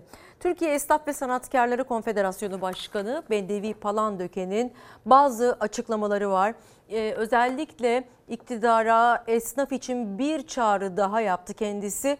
%50 hatta bölge bölge değişerek %100 zamlanan iş yerleri kiraları için acil destek bekliyor esnaf ve Bendevi Palandöken de onların sesi olarak bu konuda hükümetten destek bekliyor. Ben bir kirayı ben bir de stopaj veriyorum. Birkaç arkadaşımız zaten kapattı. Esnaf sayısı azalıyor. Şurada vardı bir arkadaşım yine böyle bilgisayarcı. Kilidi vurdu gitti. Kendi iş yerimiz buna rağmen zorlanıyoruz. Kira ödemediğim için ayakta durabiliyorum.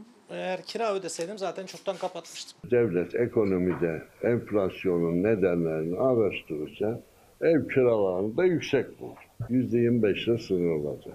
Ama iş yerlerinde böyle bir şey yok. Artan konut kiralarına karşı iktidar kiracıyı korumak adına zam oranlarına sınırlama getirdi. %25 ama bu sadece konutlarda geçerli. Kiradaki esnaf için artış sınırı yok. Pandemi sürecinde iş yapamayan esnaf için en büyük darbe oldu. Birden %40-50 zamlanan iş yeri kiraları. Türkiye Esnaf ve Sanatkarları Konfederasyonu Başkanı konutlardaki gibi iş yeri kiralarına da artış sınırı istedi. Üstelik iş yeri kiralarında %100 artış olduğu gibi Bir de kira stopajı var. Ticarete atılalım dedik, iyi kötü yatırım yapalım dedik. Dükkan kirası geçen sene 3 bin lira verdin, dükkan, dükkan kirası bu sene olmuş 7-8 bin lira. Etrafımızda küçük esnafların hepsi zaten dar boğazda. %50'de artış olduğu zaman kredi çektik. Şimdi o krediyi ödeyemedik biz. Zaten üçüncüyü vermiyoruz bankamız. Kamuya ait dükkanlarda dahi %50'ye varan kira artışları var. Büyük şehirlerde dükkanın bulunduğu konuma göre iş yeri kiralarındaki artış oranı daha da yükseliyor. Pandemi sürecinde %10'a indirilen, daha sonra %20'ye tekrar çıkarılan iş yeri kira stopajı da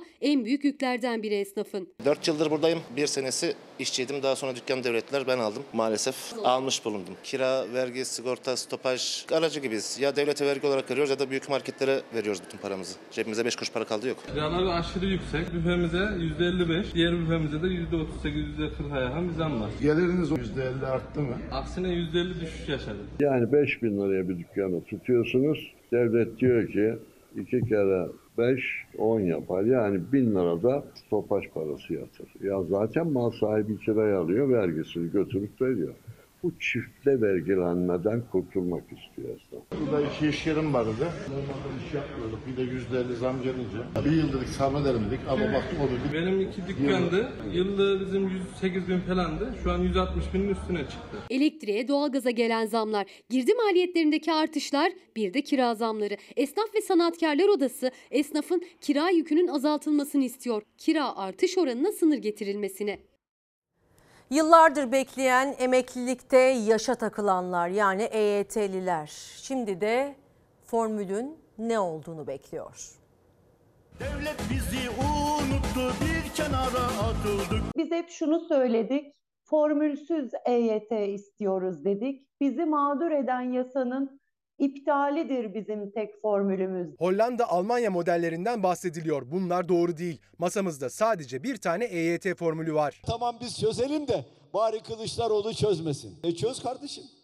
Aradan geçti aylar, aradan geçti yıllar hala çözeceğiz diyorlar. Bu kadar beceriksiz bir hükümet görmedim. Yıllardır sözü verildi tutulmadı. Aylardır çözülecek deniyor. Emeklilikte yaşa takılanlar formül bekliyor. Çalışma Bakanı Vedat Bilgin Hollanda ya da Almanya modeli olmayacak dedi. Ama masadaki formülün adını da koymadı. Hollanda Almanya modelinde normal emeklilik yaşı gelen kişiler biraz daha erken emekli olarak aylıklarından bir miktar kesinti yapılıyor.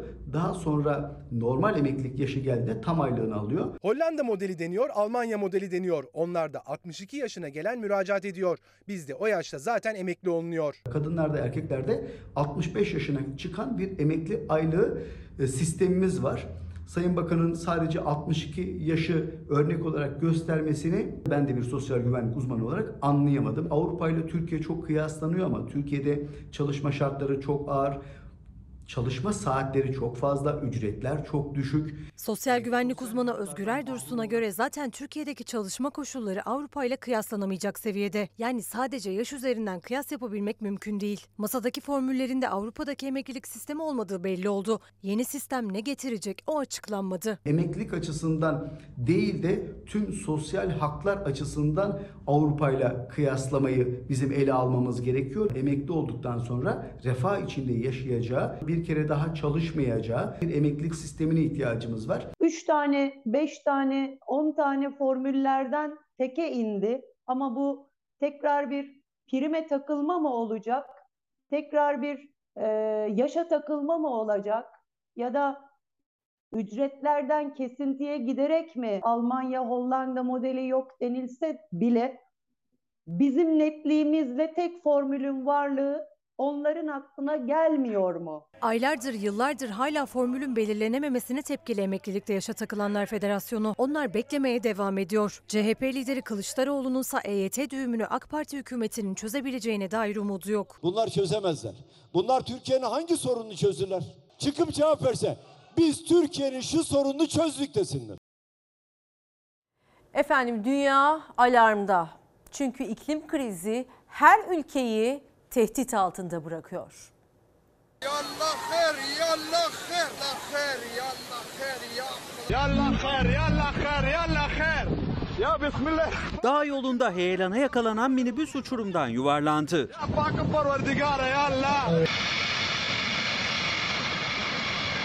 Pakistan'da iki ay önce başlayan ve hala süren muson yağmurları felakete dönüştü. Birçok kentte ani sel baskınları yaşandı. Yüzlerce ev ve köprü yıkıldı. Araçlar sele kapılıp sürüklendi.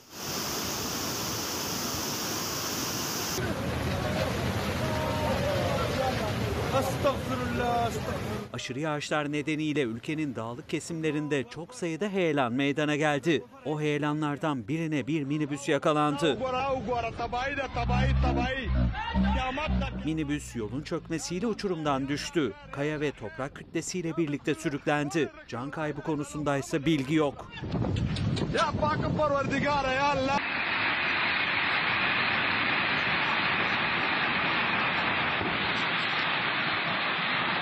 Ülkenin güneyinde etkili olan muson yağmurları ve seller nedeniyle iki ayda bine yakın kişi öldü. Felaketten 30 milyona yakın kişi etkilendi. Hükümet acil durum ilan etti. Dünyaya yardım çağrısı yaptı. Temmuz ayında emekli maaşlarıyla Şimdi ilgili şimdi bir bunları konuşmayacağım. Orada orada konuşuyorum. Bütün milletimize İstanbul Büyükşehir Belediye Başkanı'nın o meselelerle ilgili açıklaması oldu. İyiliğin zamanı.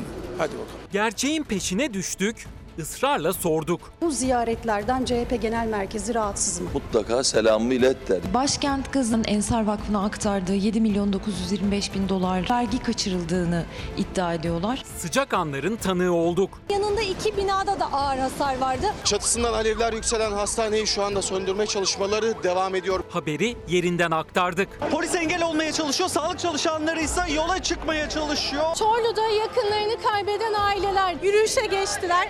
Kameralar önünde konuşulmayanı anlattık. Başkent kulislerinin perdesini araladık. Güçlendirilmiş parlamenter sistem hedefiyle yürüyoruz dediler. AYM kararıyla meclisin kararı yok hükmünde sayılmıyor. Çocuğuna bir diyor yapacak. Bir tarla satıyor. Süt satışı da bitti. Gerçek çiftçi bu ülkenin köylüsü faydalanabiliyor. Birlikte dertlendik. Bunun için para istemeyin. Bu iş çözülmeyecek. Sormak isterim sosyal devlet anlayışı nedir? Memleketteki bütün kalemlere bakacağız. Anıtkabir avlusunda o özlem daha ayrı. Belli branşta hasta kabul eden özel hastanelerin Sadece 2 milyon çalışanı ilgilendiriyor. Sabah erken saatlerinde gelip sıraya girip bu balçık bayağı vakum gibi çekiyor. Bombanın düştüğü yer işte tam da burası. İçeride kalanlar dışarıya çıkartıldı. Kurulan işte o teleferikler elektrik ve suları kesildi. Satışı arttırmak için yumurtada kampanya yaptı. Üstelik bir de başvurup da alamayanlar var. Araştırdık, takip ettik, işin aslını anlattık. Tüm bu haberleri hazırlarken gücümüzü sadece ve sadece sizden alıyoruz. Yine soracağız, sorgulayacağız, saklamayacağız. Yalanı, talanı, olanı biteni anlatmaya devam edeceğiz. Bağımsız haberin adresi Fox Haber'de yeni yayın dönemi 29 Ağustos'ta başlıyor. Efendim şimdi bir reklam arası. Efendim saat 10.27 günlerden pazar 28 Ağustos pazar. Ağustos ayını da aslında noktalıyoruz. Diliyorum ki Eylül güzel gelsin ve e, umut dolu gelsin.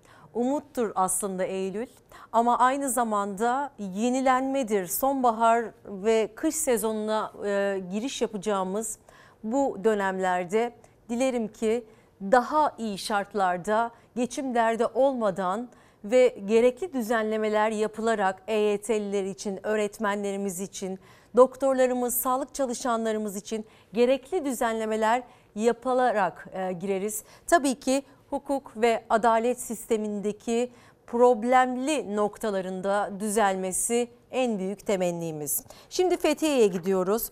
Fethiye'de düzenlenecek Milyon Fest valilik tarafından yasaklandı. Son zamanlarda üst üste ard arda gelen festival yasakları ve iptal edilen konserler dolayısıyla aslında sıkıntılı zamanlardan geçiyoruz. Ama buna dair bazı tartışmalar da var. Örneğin festivalin e, bu kez ekolojik dengeye vereceği zarar olarak açıklandı sebebi. Ve İçişleri Bakanı Süleyman Soylu'nun yasaklara ilişkin açıklaması valilik açıklamasıyla da uyuşmadı. CHP Grup Başkan Vekili Özgür Özel'in bu konuya dair görüşleri var.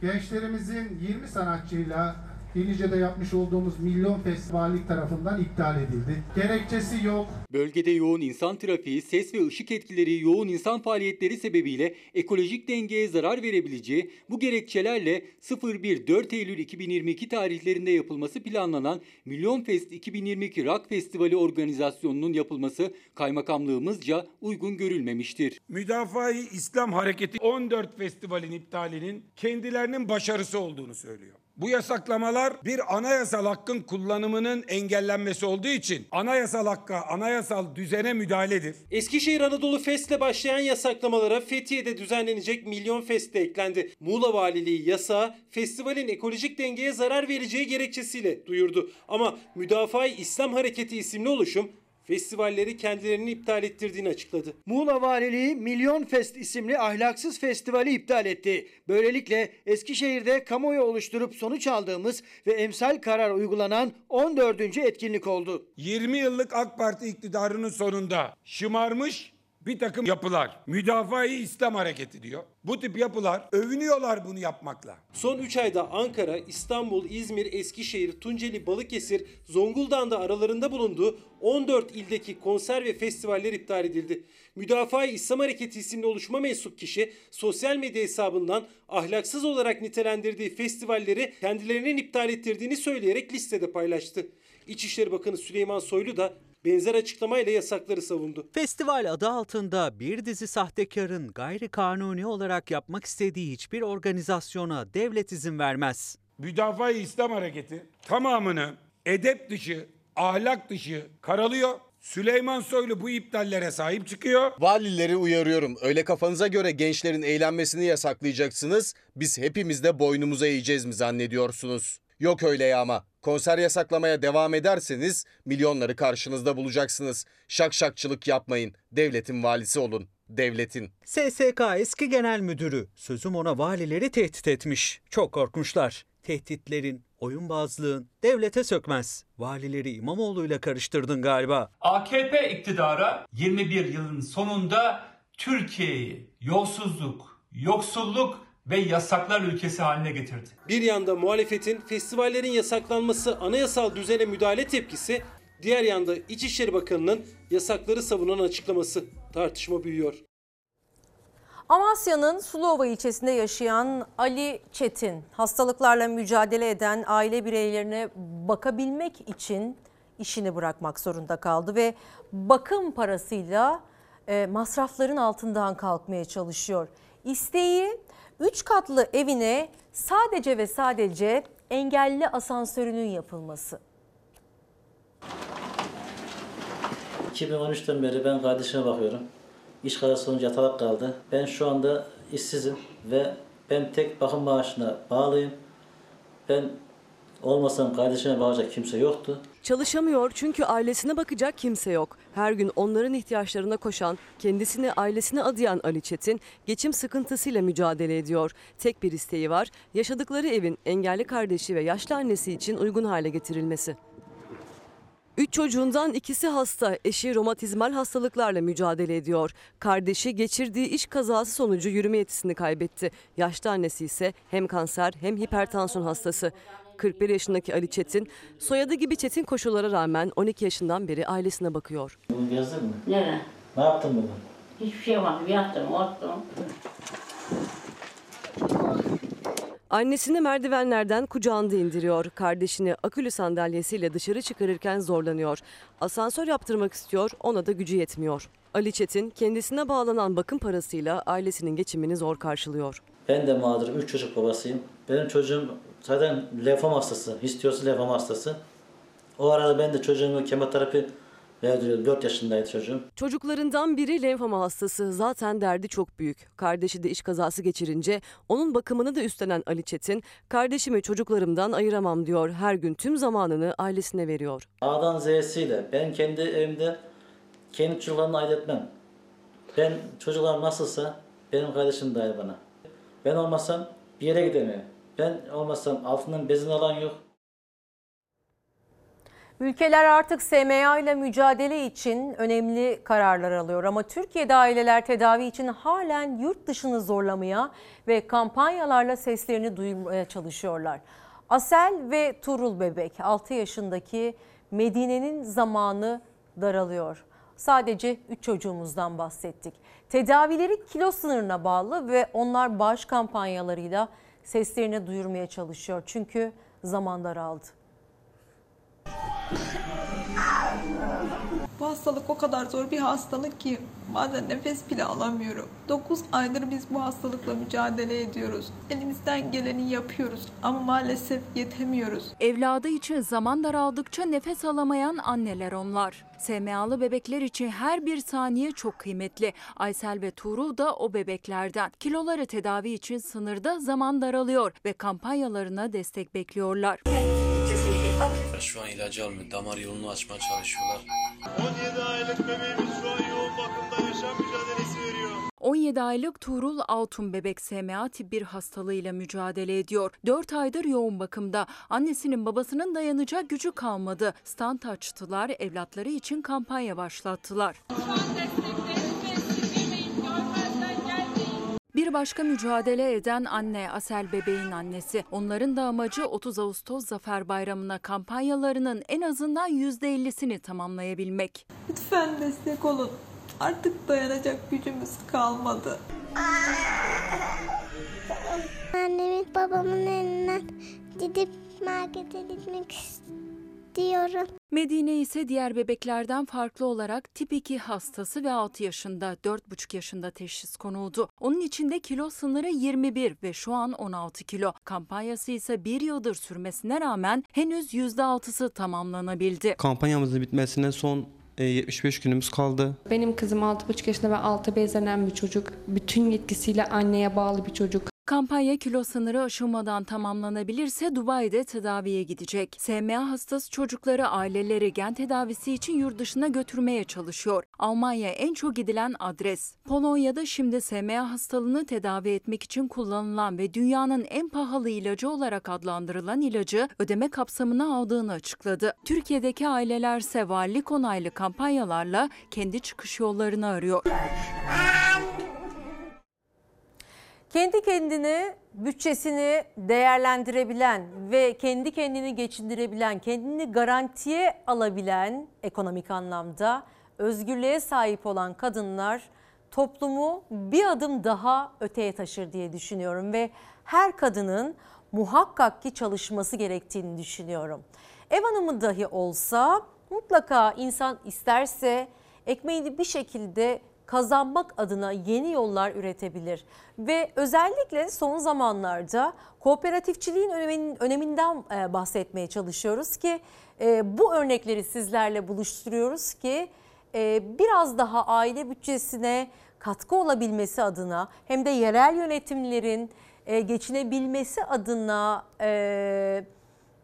eski usul gibi görünen ama çok da büyük yerlere ulaşabilen kooperatifçilikten söz ediyoruz ki örnek alınsın.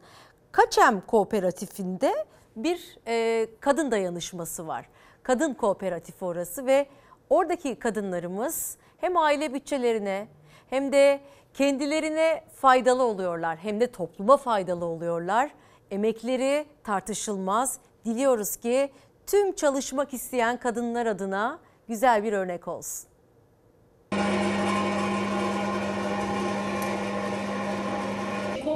Olarak ve çiftçi kadınlar olarak üretmek isteyen kadın e, isterse her şeyi başarır. El emeği ürünleri ortaya çıktıkça başarının mutluluğunu yaşıyorlar. Hem kadınların emeği değerleniyor hem de organik ürünler ortaya çıkıyor. Kaçem Kadın Kooperatifi kadınlara istihdam sağlarken sağlıklı gıdayı da tüketiciyle buluşturuyor. Kooperatifimizin kurulma amacı kadın çiftçilerimizin tarlalarda üretmiş oldukları organik ham maddelerin heba olmamasıyla alakalıydı. Bugün erişte yapıyoruz. Reçel gruplarımız var, marmelat gruplarımız var. Kadın Emeğini Değerlendirme Vakfı'nın desteklediği Kaçem Kadın Kooperatifi çatısı altında erişte, salça, reçel bin bir emekle üretiliyor. Ürünlerin reçetesini gıda mühendisi kadınlar hazırlıyor. Hepsi organik sertifikalı. El emeğiyle katkı maddesiz ve geleneksel yöntemlerle sofralara ulaşıyor. Meyvelerimiz gelecek reçel yapmak için, domatesimiz gelecek salça için ve diğer sebzelerden de tarhana üretiyoruz. Güneş enerjisinden yararlanan kooperatifin amacı hem kadınların kalkınması hem de sağlıklı nesiller yetiştirmek. Kadınların sloganı elimizle, evinize özenle. Başta Kayseri'ye ait ata buğdayı ve diğer yerel tohumları üreterek yaşatmayı ve gelecek nesillere aktarmayı çabalıyorlar. Hayran olunacak kadınlar yerel üretim yaygınlaşsın istiyor. Biz hala ürün yelpazemizi de geliştirmeye çalışıyoruz. Bir lokumumuz var. Pekmez üretimine girmek istiyoruz. Yeni Çağ gazetesinde çiftçimizin ve tarımımızın durumunu anlatan bir detay paylaşmak istiyorum. Çiftçilerin banka borçlarına dikkat çeken Osmaniyeli çiftçi Selahattin Ödiget tarlalarımızı herhalde yeni seneye bankalar eker diyor. Bankalar tamamen örümcek ağ gibi ö- örümcek ağ gibi örmüş etrafımızı. Başka diyecek bir şey var mı? Az diyeyim, çok anlayın diyerek durumu özetlemeye çalışıyor. Ne yazık ki istem dışı da olsa pek çok çiftçimiz toprağını bırakmak durumunda kaldı. İcralık oldu. İneğinden traktörüne kadar haciz gelen çiftçilerimiz var. Ve tarımda bu kadar dışa bağımlı bir hale dönüşmemiz de tabii ki bir günlük mesele, bir yıllık mesele değil. Aslında yılların getirdiği bir durum. E, atılan yanlış adımların birikimi ve sonuç elde var sıfır. Maalesef durum ve gidişat hiç iyi değil. Üzümden zeytine, zeytinden fındığa, fındıktan elmaya kadar tüm tarım ürünlerimiz alarm veriyor. Şimdi Bursa'ya gidiyoruz. Bursa'da e, aslında bir e, çiftçinin e, yetiştirmiş olduğu mahsulünün ne kadar değerli olduğunu özetleyen görüntüler var. Aynı zamanda bu haberde Manisa'ya gideceğiz. Manisa'da da üzümün durumunu takip edeceğiz. Kasa kasa şeftali yüklü kamyonet virajı alamadı, yan yattı. Şeftaliler yola savruldu. Çaresiz şoförün imdadına vatandaş yetişti. Bursa'da vatandaşın örnek davranışı böyle yansıdı kameralara. Osman Gazi ilçesinde şeftali yüklü kamyonet kavşakta yan yattı. Etrafa saçılan yüzlerce şeftali vatandaşlar tarafından tek tek toplanıp kasalara yerleştirildi. Bursa'daki dayanışma yüzleri gülümsetirken Manisa'da üretici sele kapılan üzümlerini kurtarmak için büyük çaba gösterdi. 40 senelik çiftçiyim. Böyle yağış görmedim. Sel suları aşağı yukarı bir tona yakın üzümümüzü götürdü gitti. Kurumaya bırakılan sultaniye üzümleri sel sularına kapıldı. Bir tona yakın üzüm etrafa saçıldı, çamura bulandı. Rekolte kayıpları var. Bir de renk kayıpları var. E, fiyatlar düşük olur. Maliyetler yüksek olduğu için Allah yardımcımız olsun. Daha ne diyeyim. Üretici çamurun içinden çıkardı büyük emekli ve maliyetli ürettiği üzümleri. Ezilenler, renk kaybedenler toplandı ancak çoğu bulunamadı. Sel anında hiçbir şey yapamadık. Ee, kurtarmaya çalıştık ama elimizden geldiği kadar traktörle yönleri çevirmeye çalıştık. Traktörle şey yapmaya çalıştık ama üzümün üstünü örtsen de elden bir şey gelmiyor. Doğal bu. Afetin önüne geçilmiyor sel. Sel anında üzümleri kurtarmak için çabalasalar da ciddi bir rekorte kaybıyla karşı karşıya kaldılar. Manisa'da üzüm üreticileri yetkililerden yardım bekliyor. Bir de menemen endeksimiz var sırada. Malum salça yapma zamanı ve özellikle kış hazırlıkları her hanede vazgeçilmezdir. Ama çoğu tüketici artık kışa hazırlık yapacak bütçe bulamıyor. 30 yap ya şu hesap bak. 30 30 böyle yok. Bitti mi alışveriş? Alışveriş biter mi yavrum? Bitmez. Para bitti. Salça yapmayacak mısın? Yapmayacağım yavrum. Menemen biraz. Hiçbir şey yapmayacağım. Günlüğe yetişelim de bırakın. Kışı bırakın artık. Tam salça zamanı şimdi tam. Domatesler her çeşidiyle bol bol tezgahta. Tam salça zamanı ancak fiyatlar geçen yıla göre iki katından da fazla. Birçok kadın bu yıl kışa hazırlık yapamayacak. Çünkü ancak günlük mutfak alışverişini hesabını yapabiliyorlar. Yaptınız mı salça? Yok yavrum hiçbir şey. Ne salçası kızım? Yemeğe bulalım domatesle salçayı bırak. Geçen sene 65 kavanoz yapmıştım. Bu sene 30 kavanoz bile yapamayacağım. Geçen sene ya 2'ye ya 3'e almıştım. 2,5 almıştım kilosunu. Ne yiyeceğiz kışa? Bilmiyorum. Her sene 150-200 kilo civarında e, sal, e, domatesden salça yapıyorduk yani. Bu sene valla daha hiç başlayamadık. Kışa hazırlık listesinin ilk sırasında yer alıyor salça ve menemen. Bugün pazarda en ucuz domates 5, en ucuz biber ise 8,5 lira. Eskisi kadar olmasa da salça yapmaya çalışıyor tüketici. Ancak biber fiyatları menemene izin vermiyor. Geçen sene bu aralar domatesin fiyatı ne kadardı hatırlıyor musunuz? 3 lira, 2,5 lira. Yani Yarısı bir- kadardı. Tabii yarısı kadardı. ikiye katladı. Kırmızı biber çok pahalı. Şu anda biberin kilosu 13,5 TL. Geçen sene ne kadardı bu zamanlar? Geçen sene bu zamanda taş patlasın 5 lira, 5,5 lira, 6 lira. Şu arkaya ayırdıklarımız, şunlara mesela durumu olmayanlar geliyorlar alıyorlar. Çıkmasını 6 lira diyorum. Her hafta alıyorum az az yapmaya çalışıyorum. 5 kilo 5 kilo alıyorum yapıyorum. Tezgahtaki fiyatlar bir devrin daha sonunu getiriyor. İmkanı olan azar azar almaya çalışıyor. Olmayan fiyatların düşmesini bekliyor ancak çok da umut yok. Pazarcı ile müşteri arasındaki diyalog yüksek akaryakıt fiyatlarına kadar gidiyor. Biraz mazotu düşürse başka bir şey istemiyoruz. Mazot düşüyor ama şey düşmüyor. Alışveriş yine düşmüyor. Aldığınız verdiğiniz yine düşmüyor. Normalde 3-3,5 liraya alıyorduk daha önce. Bu sene biraz zor yapacağız. Yapamayacağız menemeni. Dolabımızı dolduruyorduk. Dolapların içine hani konserve yapıyorduk. En azından 50 kilo almam lazım. 300 lira domates biraz pahalıya geliyor. Kaç kilo aldınız? 15 kilo. Ne kadar verdiniz? 120 lira. Geçen sene 3'tü. Bu sene 7,5. Felaket pahalı yani. Ben de yapanlardanım eskiden. Hani geçtiğimiz seneye kadar. Ama konserve sayısı azaldı geçen sene. Bu sene hiç herhalde. Salçayı yaptıktan sonra da saklamak için kavanoz ve kapak gerekiyor. Bu kavanozun fiyatı 6,5 lira. Kapağı da 1 lira 25 kuruş. Yani geçtiğimiz yılın iki katı para. Yemeğe bulamıyoruz ki konserve yapsak. Bir kilo fasulye yiyemedik biz bu sene. Geçen yıla kıyasla kışlık salça maliyeti iki katından da fazla. Babam emekliyken her sene biz annemle birlikte tarhanamızdan bilmem neyimize kadar her şeyimizi yaparlardı. Ama bu sene herkes elini atarken bir kere değil beş kere zamlar gibi çarpı beş ya beş kere düşünüyorsunuz bir şey yapmak için maalesef. Çiğ süt fiyatı 7,5 lira. Maliyetlerse günden güne artıyor. Bu da yeni zamlar kapıda demek anlamına geliyor.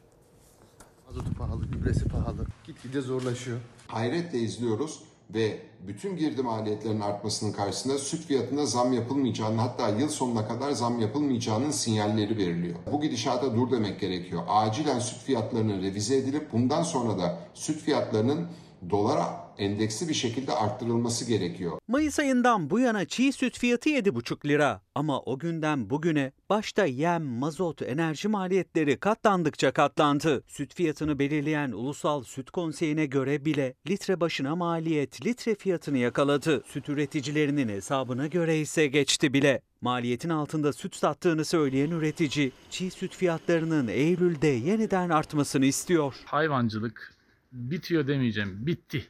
Her ay sütü veriyoruz, yemi alıyoruz. Sütü veriyoruz, yem alıyoruz. Hamallık yapıyoruz. Maliyetin arttığı yerde fiyatları sabit tutarsanız insanlar üretmekten vazgeçer ve zaten vazgeçiyorlar.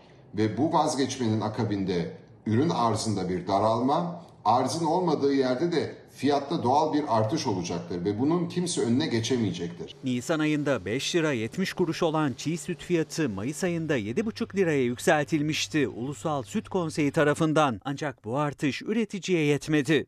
Çünkü en büyük maliyet kalemlerinden yemin fiyatı dolara bağlı katlandı. 7,5 liralık fiyat açıklandığında dolar 15 lira 56 kuruştu. Bugün 18 liraya aştı. 1 litre sütün 1 kilo yem almadığı bir dönemdeyiz. Girdilerimiz korkunç bir şekilde arttı. Bir diğer maliyet kalemi de motorin. Onun da fiyatı bir yılda %269 arttı. Türkiye'deki üreticiler ne enflasyonun sebebidir ne de enflasyonu kontrol edebilecek me- mekanizmadır. Girdi maliyetleri düşürülmeden enflasyonu düşürmeniz, gıda fiyatlarını düşürmeniz mümkün değildir. Ulusal Süt Konseyi'nin Temmuz ayı için yaptığı hesaplamada bile 1 litre çiğ sütün üretim maliyeti 7 lira 22 kuruşa yükseldi. Üreticiye göre maliyet bunun da üstünde. Ortalama 1 litre sütün maliyetini Tüm Süt Et ve Damızlık Sığır Yetiştiricileri Derneği 1 litre sütün üreticiye maliyetini 7 lira 76 kuruş olarak açıkladı. Maliyet artınca süt ineklerini kesime göndermek zorunda kalıyor üretici. Bu da süt üretimini düşürüyor. Raflara da zam olarak yansıyor. Yani üretici gibi tüketici de mutsuz oluyor. Üretim önümüzdeki aylarda hızlı bir şekilde gerileyecektir. Bunun cemeresini bütün halk olarak biz çok pahalı gıda olarak ödemek zorunda kalacağız. Yapacağımız hiçbir şey kalmadı artık. Aldığımız gübre 1500. Aldığımız gübre 1200. Nasıl yapacağız? Sadece süt üreticileri değil, çiftçiler de aynı durumda. Ekim zamanı gelirken değil maliyetleri karşılayabilmek, geçmiş dönem borçları altında eziliyorlar. Tarlalarımıza herhalde yeni seneye bankalar eker. Bankalar tamamen örümcek ağzı gibi örmüş. Geçtiğimiz hafta 6 lider bir araya geldi. Saadet Partisi Genel Başkanı Temel Karamollaoğlu altılı masanın 6.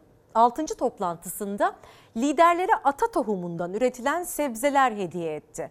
O ürünler Saadet Partisi İstanbul İl Başkanlığı'nın ata tohumu projesiyle elde edilen ürünlerdi. Daha ileride kavun ve karpuzluk bölümümüz var. Talep en çok neye? Domatesli ve patlıcan klasik ürünleri. Üretim bahçemizdeki sebzelerden kendilerine bir ikramda bulunduk ve böylece liderler masasına yolculukta böyle başlamış oldu. Altılı Masa buluşmasında liderlere sepetle armağan edilen organik sebzeler Saadet Partisi İstanbul İl Başkanlığı'nın projesiyle ata tohumuyla üretim yapılan bahçelerden toplandı. Altılı Masa'ya ev sahipliği yapan Saadet Partisi Genel Başkanı Temel Karamollaoğlu da bir hafta önce o bahçelerden birindeydi. Limon e, salatalığı. Bakın limon. Limon O da mı salatalık? O da salatalık. Sal bakalım. Tadı nasıl? Limon gibi mi? Yok renginden dolayı limon denmiş. Saadet Partisi İstanbul İl Başkanlığımızın bir farkındalık projesi olarak üzerinde çalıştığı ata tohumu üretim çalışmamıza Genel Başkanımız Sayın Temel Karamollaoğlu yoğun bir ilgi gösterdiler ve bizatihi üretim merkezimizi ziyaret ettiler. Bunlar şeker kamışı. Üstündekiler tohumu, gövdesi, kavun, karpuz çeşitleri var. O tohuma kaçanlar patlıcanın rengi değişiyor, sararıyor, iyice olgunlaşıyor. Ondan sonra toparlıyoruz. Sebzeler liderlerin sofrasına gelmeden önce hepsiyle ilgili tek tek bilgi aldı Temel Karamollaoğlu. Sakarya ve İstanbul Tuzla'daki tarlaların yanı sıra gönüllü çiftçiler de üretiyor ata tohumunu. Talep edenlere ise ücretsiz dağıtılıyor. ülkemizin ürün çeşitliliğini koruyacak, herhangi bir laboratuvar ortamına maruz kalarak DNA dizilimi bozulmamış, besin ve lezzet değeri yüksek olan, en önemlisi de nesilden nesile aktarılabilen 200'e yakın ürün çeşidini vatandaşlarımızla buluşturacağız. Hedef şimdilik 1 milyon ata tohumu. Saadet Partisi İstanbul İl Başkan Yardımcısı Mahmut Kılıç, seçimi kazanırlarsa ithalata son verileceği, işlem görmemiş yerli tohumun yani ata tohumunun tarım politikasında ilk sırayı alabileceği görüşünde. Seçim sonrası Saadet Partisi'nin ortak olduğu bir yönetim sisteminde tarımda ve tohumda dışa bağımlılık yerine kendi tohumlarımızı üretmeyi ve çoğaltmayı hedefliyoruz. Bunlar kabak. Bunlar e, dikenli salatalık. 1 Eylül'de av yasağı kalkıyor ve balıkçılarımız diyor ki bu yıl vatandaş balığa doyacak. Vay maşallah derya kuzusu. Dört buçuk ara, e, ay aradan sonra vira bismillah diyecek balıkları avlamaya başlayacak efendim. Balıkçılar da vatandaş da gün sayıyor. 1 Eylül'de kalkacak av yasağıyla birlikte balıkçılar oldukça emin konuştu. Vatandaş balığa doyacak dediler. Palamut'tan çok ümitliyiz. Halkımız dörtte bir fiyatına balık yiyecek inşallah. Hayat pahalılığı, düşen alım gücü, zamlar arka arkaya geldikçe sağlıklı gıdaya ulaşmak da bir o kadar zorlaşıyor. Ancak denizden güzel haberler var. Kış güzel geçti, yağmurlar güzel yağdı. Çok ümitliyiz. Balıkçıların öngördüğü bolluk fiyatları düşürecek. Ne kadar balık çıkarsa maliyetlere de çare olacak. Hem balıkçı kazanacak hem de vatandaş hesaplı balığı mutfağına götürecek. Çok bereketli bir zanaat var bu sene. Palamutçuluk çok bir daha tekrar ediyorum. Palamutçuluk 30 senelik hayatım boyunca e, böyle bir şey görmedim. Sardalya, Hamsi, Palamut'ta beklenti büyük. Özellikle Palamut. Balıkçılar oltayı nereye atsan palamut tutuyorsun diyerek yaşanan bolluğu özetledi. Marmara'ya oltanı salıyorsun, palamut çıkıyor. Karadeniz oltanı salıyorsun, palamut çıkıyor. İğneada'ya salıyorsun, palamut çıkıyor. Samsun'a oltana atıyorsun, palamut çıkıyor. Meksika'da iklim krizinden nasibini aldı. Tüm dünya aşırı hava olaylarına tanıklık ederken kuvvetli yağışların bir diğer adresi Meksika oldu. Sel felaketlerinin yaşandığı ülkede bir kişi şişme yatakla kanala girdi. Hat boyunca tehlikeli seyrine devam ederken kanalın içine düşerek gözden kayboldu.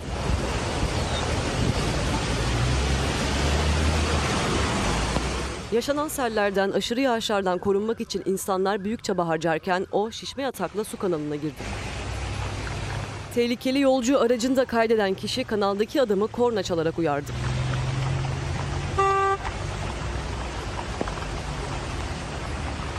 Kanalda ilerlemeye devam ederken dehlizi fark etti. Önce bacaklarıyla düşmesini engellemeye çalıştı. Ardından kendisine uzanan eli tutmak için hamle yaptı ancak kanala düşerek gözden kayboldu. Meksikalı polis ekipleri canını tehlikeye atan kişinin boğulmak üzereyken kurtarıldığını açıkladı. Sağlık durumu hakkında ise bilgi paylaşılmadı. Öte yandan Meksika'da günlerdir devam eden şiddetli yağışlar binlerce kişiyi etkiledi. Bir kişi sel felaketinde hayatını kaybetti. Hayal etmek başarmanın en önemli adımı. Şimdi tam da böyle bir haber var sırada. 17 yaşındaki Belçikalı pilot küçük bir uçakla dünyayı tek başına dolaşan en genç kişi oldu.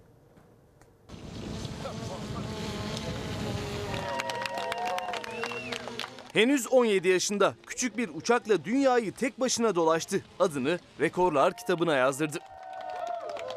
So uh, 17 yaşındaki Belçikalı pilot Mark Rutherford hayallerini gerçeğe dönüştürmek için kolları sıvadı. Dünya turuna başladı. Bulgaristan'ın başkenti Sofya'dan küçük bir uçakla havalandı Rutherford. 5 ay süren yolculukta da dünyayı tek başına dolaştı. Genç pilot Mart ayının son haftasında başladığı yolculukta ekvator çizgisini iki kez dolaştı. 5 kıtada 52 ülkeye ayak bastı. show with this trip that young people can make 5 ay süren dünya turuyla birlikte Rutherford dünyayı küçük bir uçakla dolaşan en genç insan oldu. Hüseyin Cem Öztürk sizden gelen mesajlardan biri. Her şeye %300 zam gelirken kira geliriyle geçinen ev sahiplerine %25'ten fazla zam yapamazsın denmesi normal mi diyor. Esnaf istediği gibi ürünün üstüne gelen zammı yansıtabiliyor. Kiraya gelince mağdur edebiyatı hiç adil değil. Aslında e, maalesef ki gelinen noktada hem ev sahipleri hem de kiracılar mağdur durumda. Çünkü bir anda e, baktığımızda e, zam herkese geliyor. E, A'dan Z'ye her şeye geliyor, herkese değil. Her şey zamlı. E, enflasyon oranları ortada. Ev sahipleri de daha fazla almak istiyor kiracılardan. E, sınırlandırmayla alakalı tepkiler var. Ama bir yandan da kiracıların cephesinden baktığınızda onlar için de durum ciddi anlamda yaralayıcı ve yıpratıcı. İşin içerisinden çıkılmaz bir hal almış durumda. E, bu arada geçtiğimiz haftalarda e, bankalar dolayısıyla özür diliyorum e, avukatlar aracılığıyla dava açmak için hazırlananlar adına bir düzenleme yapılmıştı. Ev sahipleri ve kiracılar arasında dava açmadan önce ara bulucularla oturmaları konusunda e, tabii sınırlandırmalar var ama konut krizi öyle derin ki ne yazık ki işin içerisinden nasıl çıkacağını, çıkılacağını kimse kestiremiyor. Biraz da filmlere bakalım efendim. Acaba vizyonda yeni filmler var mı? Var. Özellikle Bruce Willis'in yeni bir filmi var.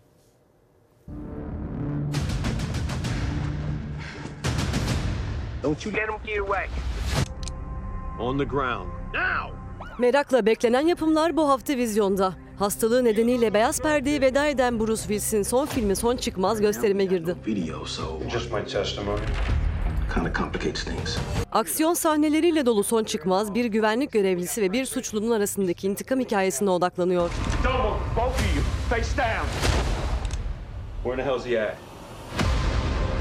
I think it's time for some motivation. After Ever Happy, Tessa ve Hardy'nin duygu yüklü hikayesi ilişkilerin açmazlarını, çaresizliğini anlatıyor. After? It's my journey after I met you.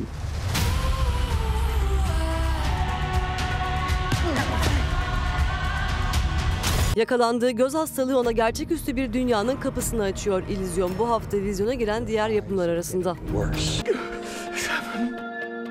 Please, it's happening. What's wrong with your head? What's wrong? Look, I'm, I'm seeing this. What exactly you see? They see sounds, they can taste colors, they can even hear smells. Who are you? Türk gölge oyununun efsanevi kahramanları Hacivat ve Karagöz yeni bir uyarlamayla beyaz perdede hem de animasyon türüyle. İnsanlık daha ölmemiş. Ölmedi. Ölmedi ya. Sizden sonra hayırlısıyla onun ölümü benim elimden olacak. Gel buraya. Temmuz ayında emekli maaşları ile Şimdi, ilgili bir şimdi bunları konuşacağım. Orada orada konuşuyorum. Bütün milletimizi, İstanbul Büyükşehir Belediye Başkanı o ile ilgili açıklaması oldu. İyiliğin zamanı. Hadi bakalım. Gerçeğin peşine düştük, ısrarla sorduk. Bu ziyaretlerden CHP Genel Merkezi rahatsız mı? Mutlaka selamımı ilet der. Başkent Kızı'nın Ensar Vakfı'na aktardığı 7 milyon 925 bin dolar vergi kaçırıldığını iddia ediyorlar. Sıcak anların tanığı olduk. Yanında iki binada da ağır hasar vardı. Çatısından alevler yükselen hastaneyi şu anda söndürme çalışmaları devam ediyor. Haberi yerinden aktardık. Polis engel olmaya çalışıyor, sağlık çalışanları ise yola çıkmaya çalışıyor. Çorlu'da yakınlarını kaybeden aileler yürüyüşe geçtiler. Kameralar önünde konuşulmayanı anlattık. Başkent kulislerinin perdesini araladık. Güçlendirilmiş parlamenter sistem hedefiyle yürüyoruz dediler. AYM kararıyla da meclisin kararı yok hükmünde sayılmıyor. Çocuğuna benziyor yapacak. Bir tarla satıyor. Süt satışı da bitti. Gerçek çiftçi bu ülkenin köylüsü faydalanabiliyor. Birlikte dertlendik. Bunun için para istemeyin. Bu iş çözülmeyecek. Sormak isterim sosyal devlet anlayışı nedir? Memleketteki bütün kalemlere bakacağız. Anıtkabir avlusunda o özlem daha ayrı. Belli branşta hasta kabul eden özel hastanelerin sadece 2 milyon çalışanı ilgilendiriyor. Sabah erken saatlerinde gelip sıraya girip bu balçık bayağı vakum gibi çekiyor. Bombanın düştüğü yer işte tam da burası. İçeride kalanlar dışarıya çıkartıldı. Kurulan işte o teleferikler. Elektrik ve suları kesildi. Satışı arttırmak için yumurtada kampanya yaptı. Üstelik bir de başvurup da alamayanlar var. Araştırdık, takip ettik, işin aslını anlattık. Tüm bu haberleri hazırlarken gücümüzü sadece ve sadece sizden alıyoruz. Yine soracağız, sorgulayacağız, saklamayacağız. Yalanı, talanı, olanı biteni anlatmaya devam edeceğiz. Bağımsız haberin adresi Fox Haber'de yeni yayın dönemi 29 Ağustos'ta başlıyor. Doğan Şentürk kaptanlığında Fox Haber yeni yayın dönemine başlıyor efendim. Şimdi biraz e, kulaklarımızın pasını silelim istiyoruz. Emel Sayın'ın o güzel sesiyle silemezler gönlümden diyoruz.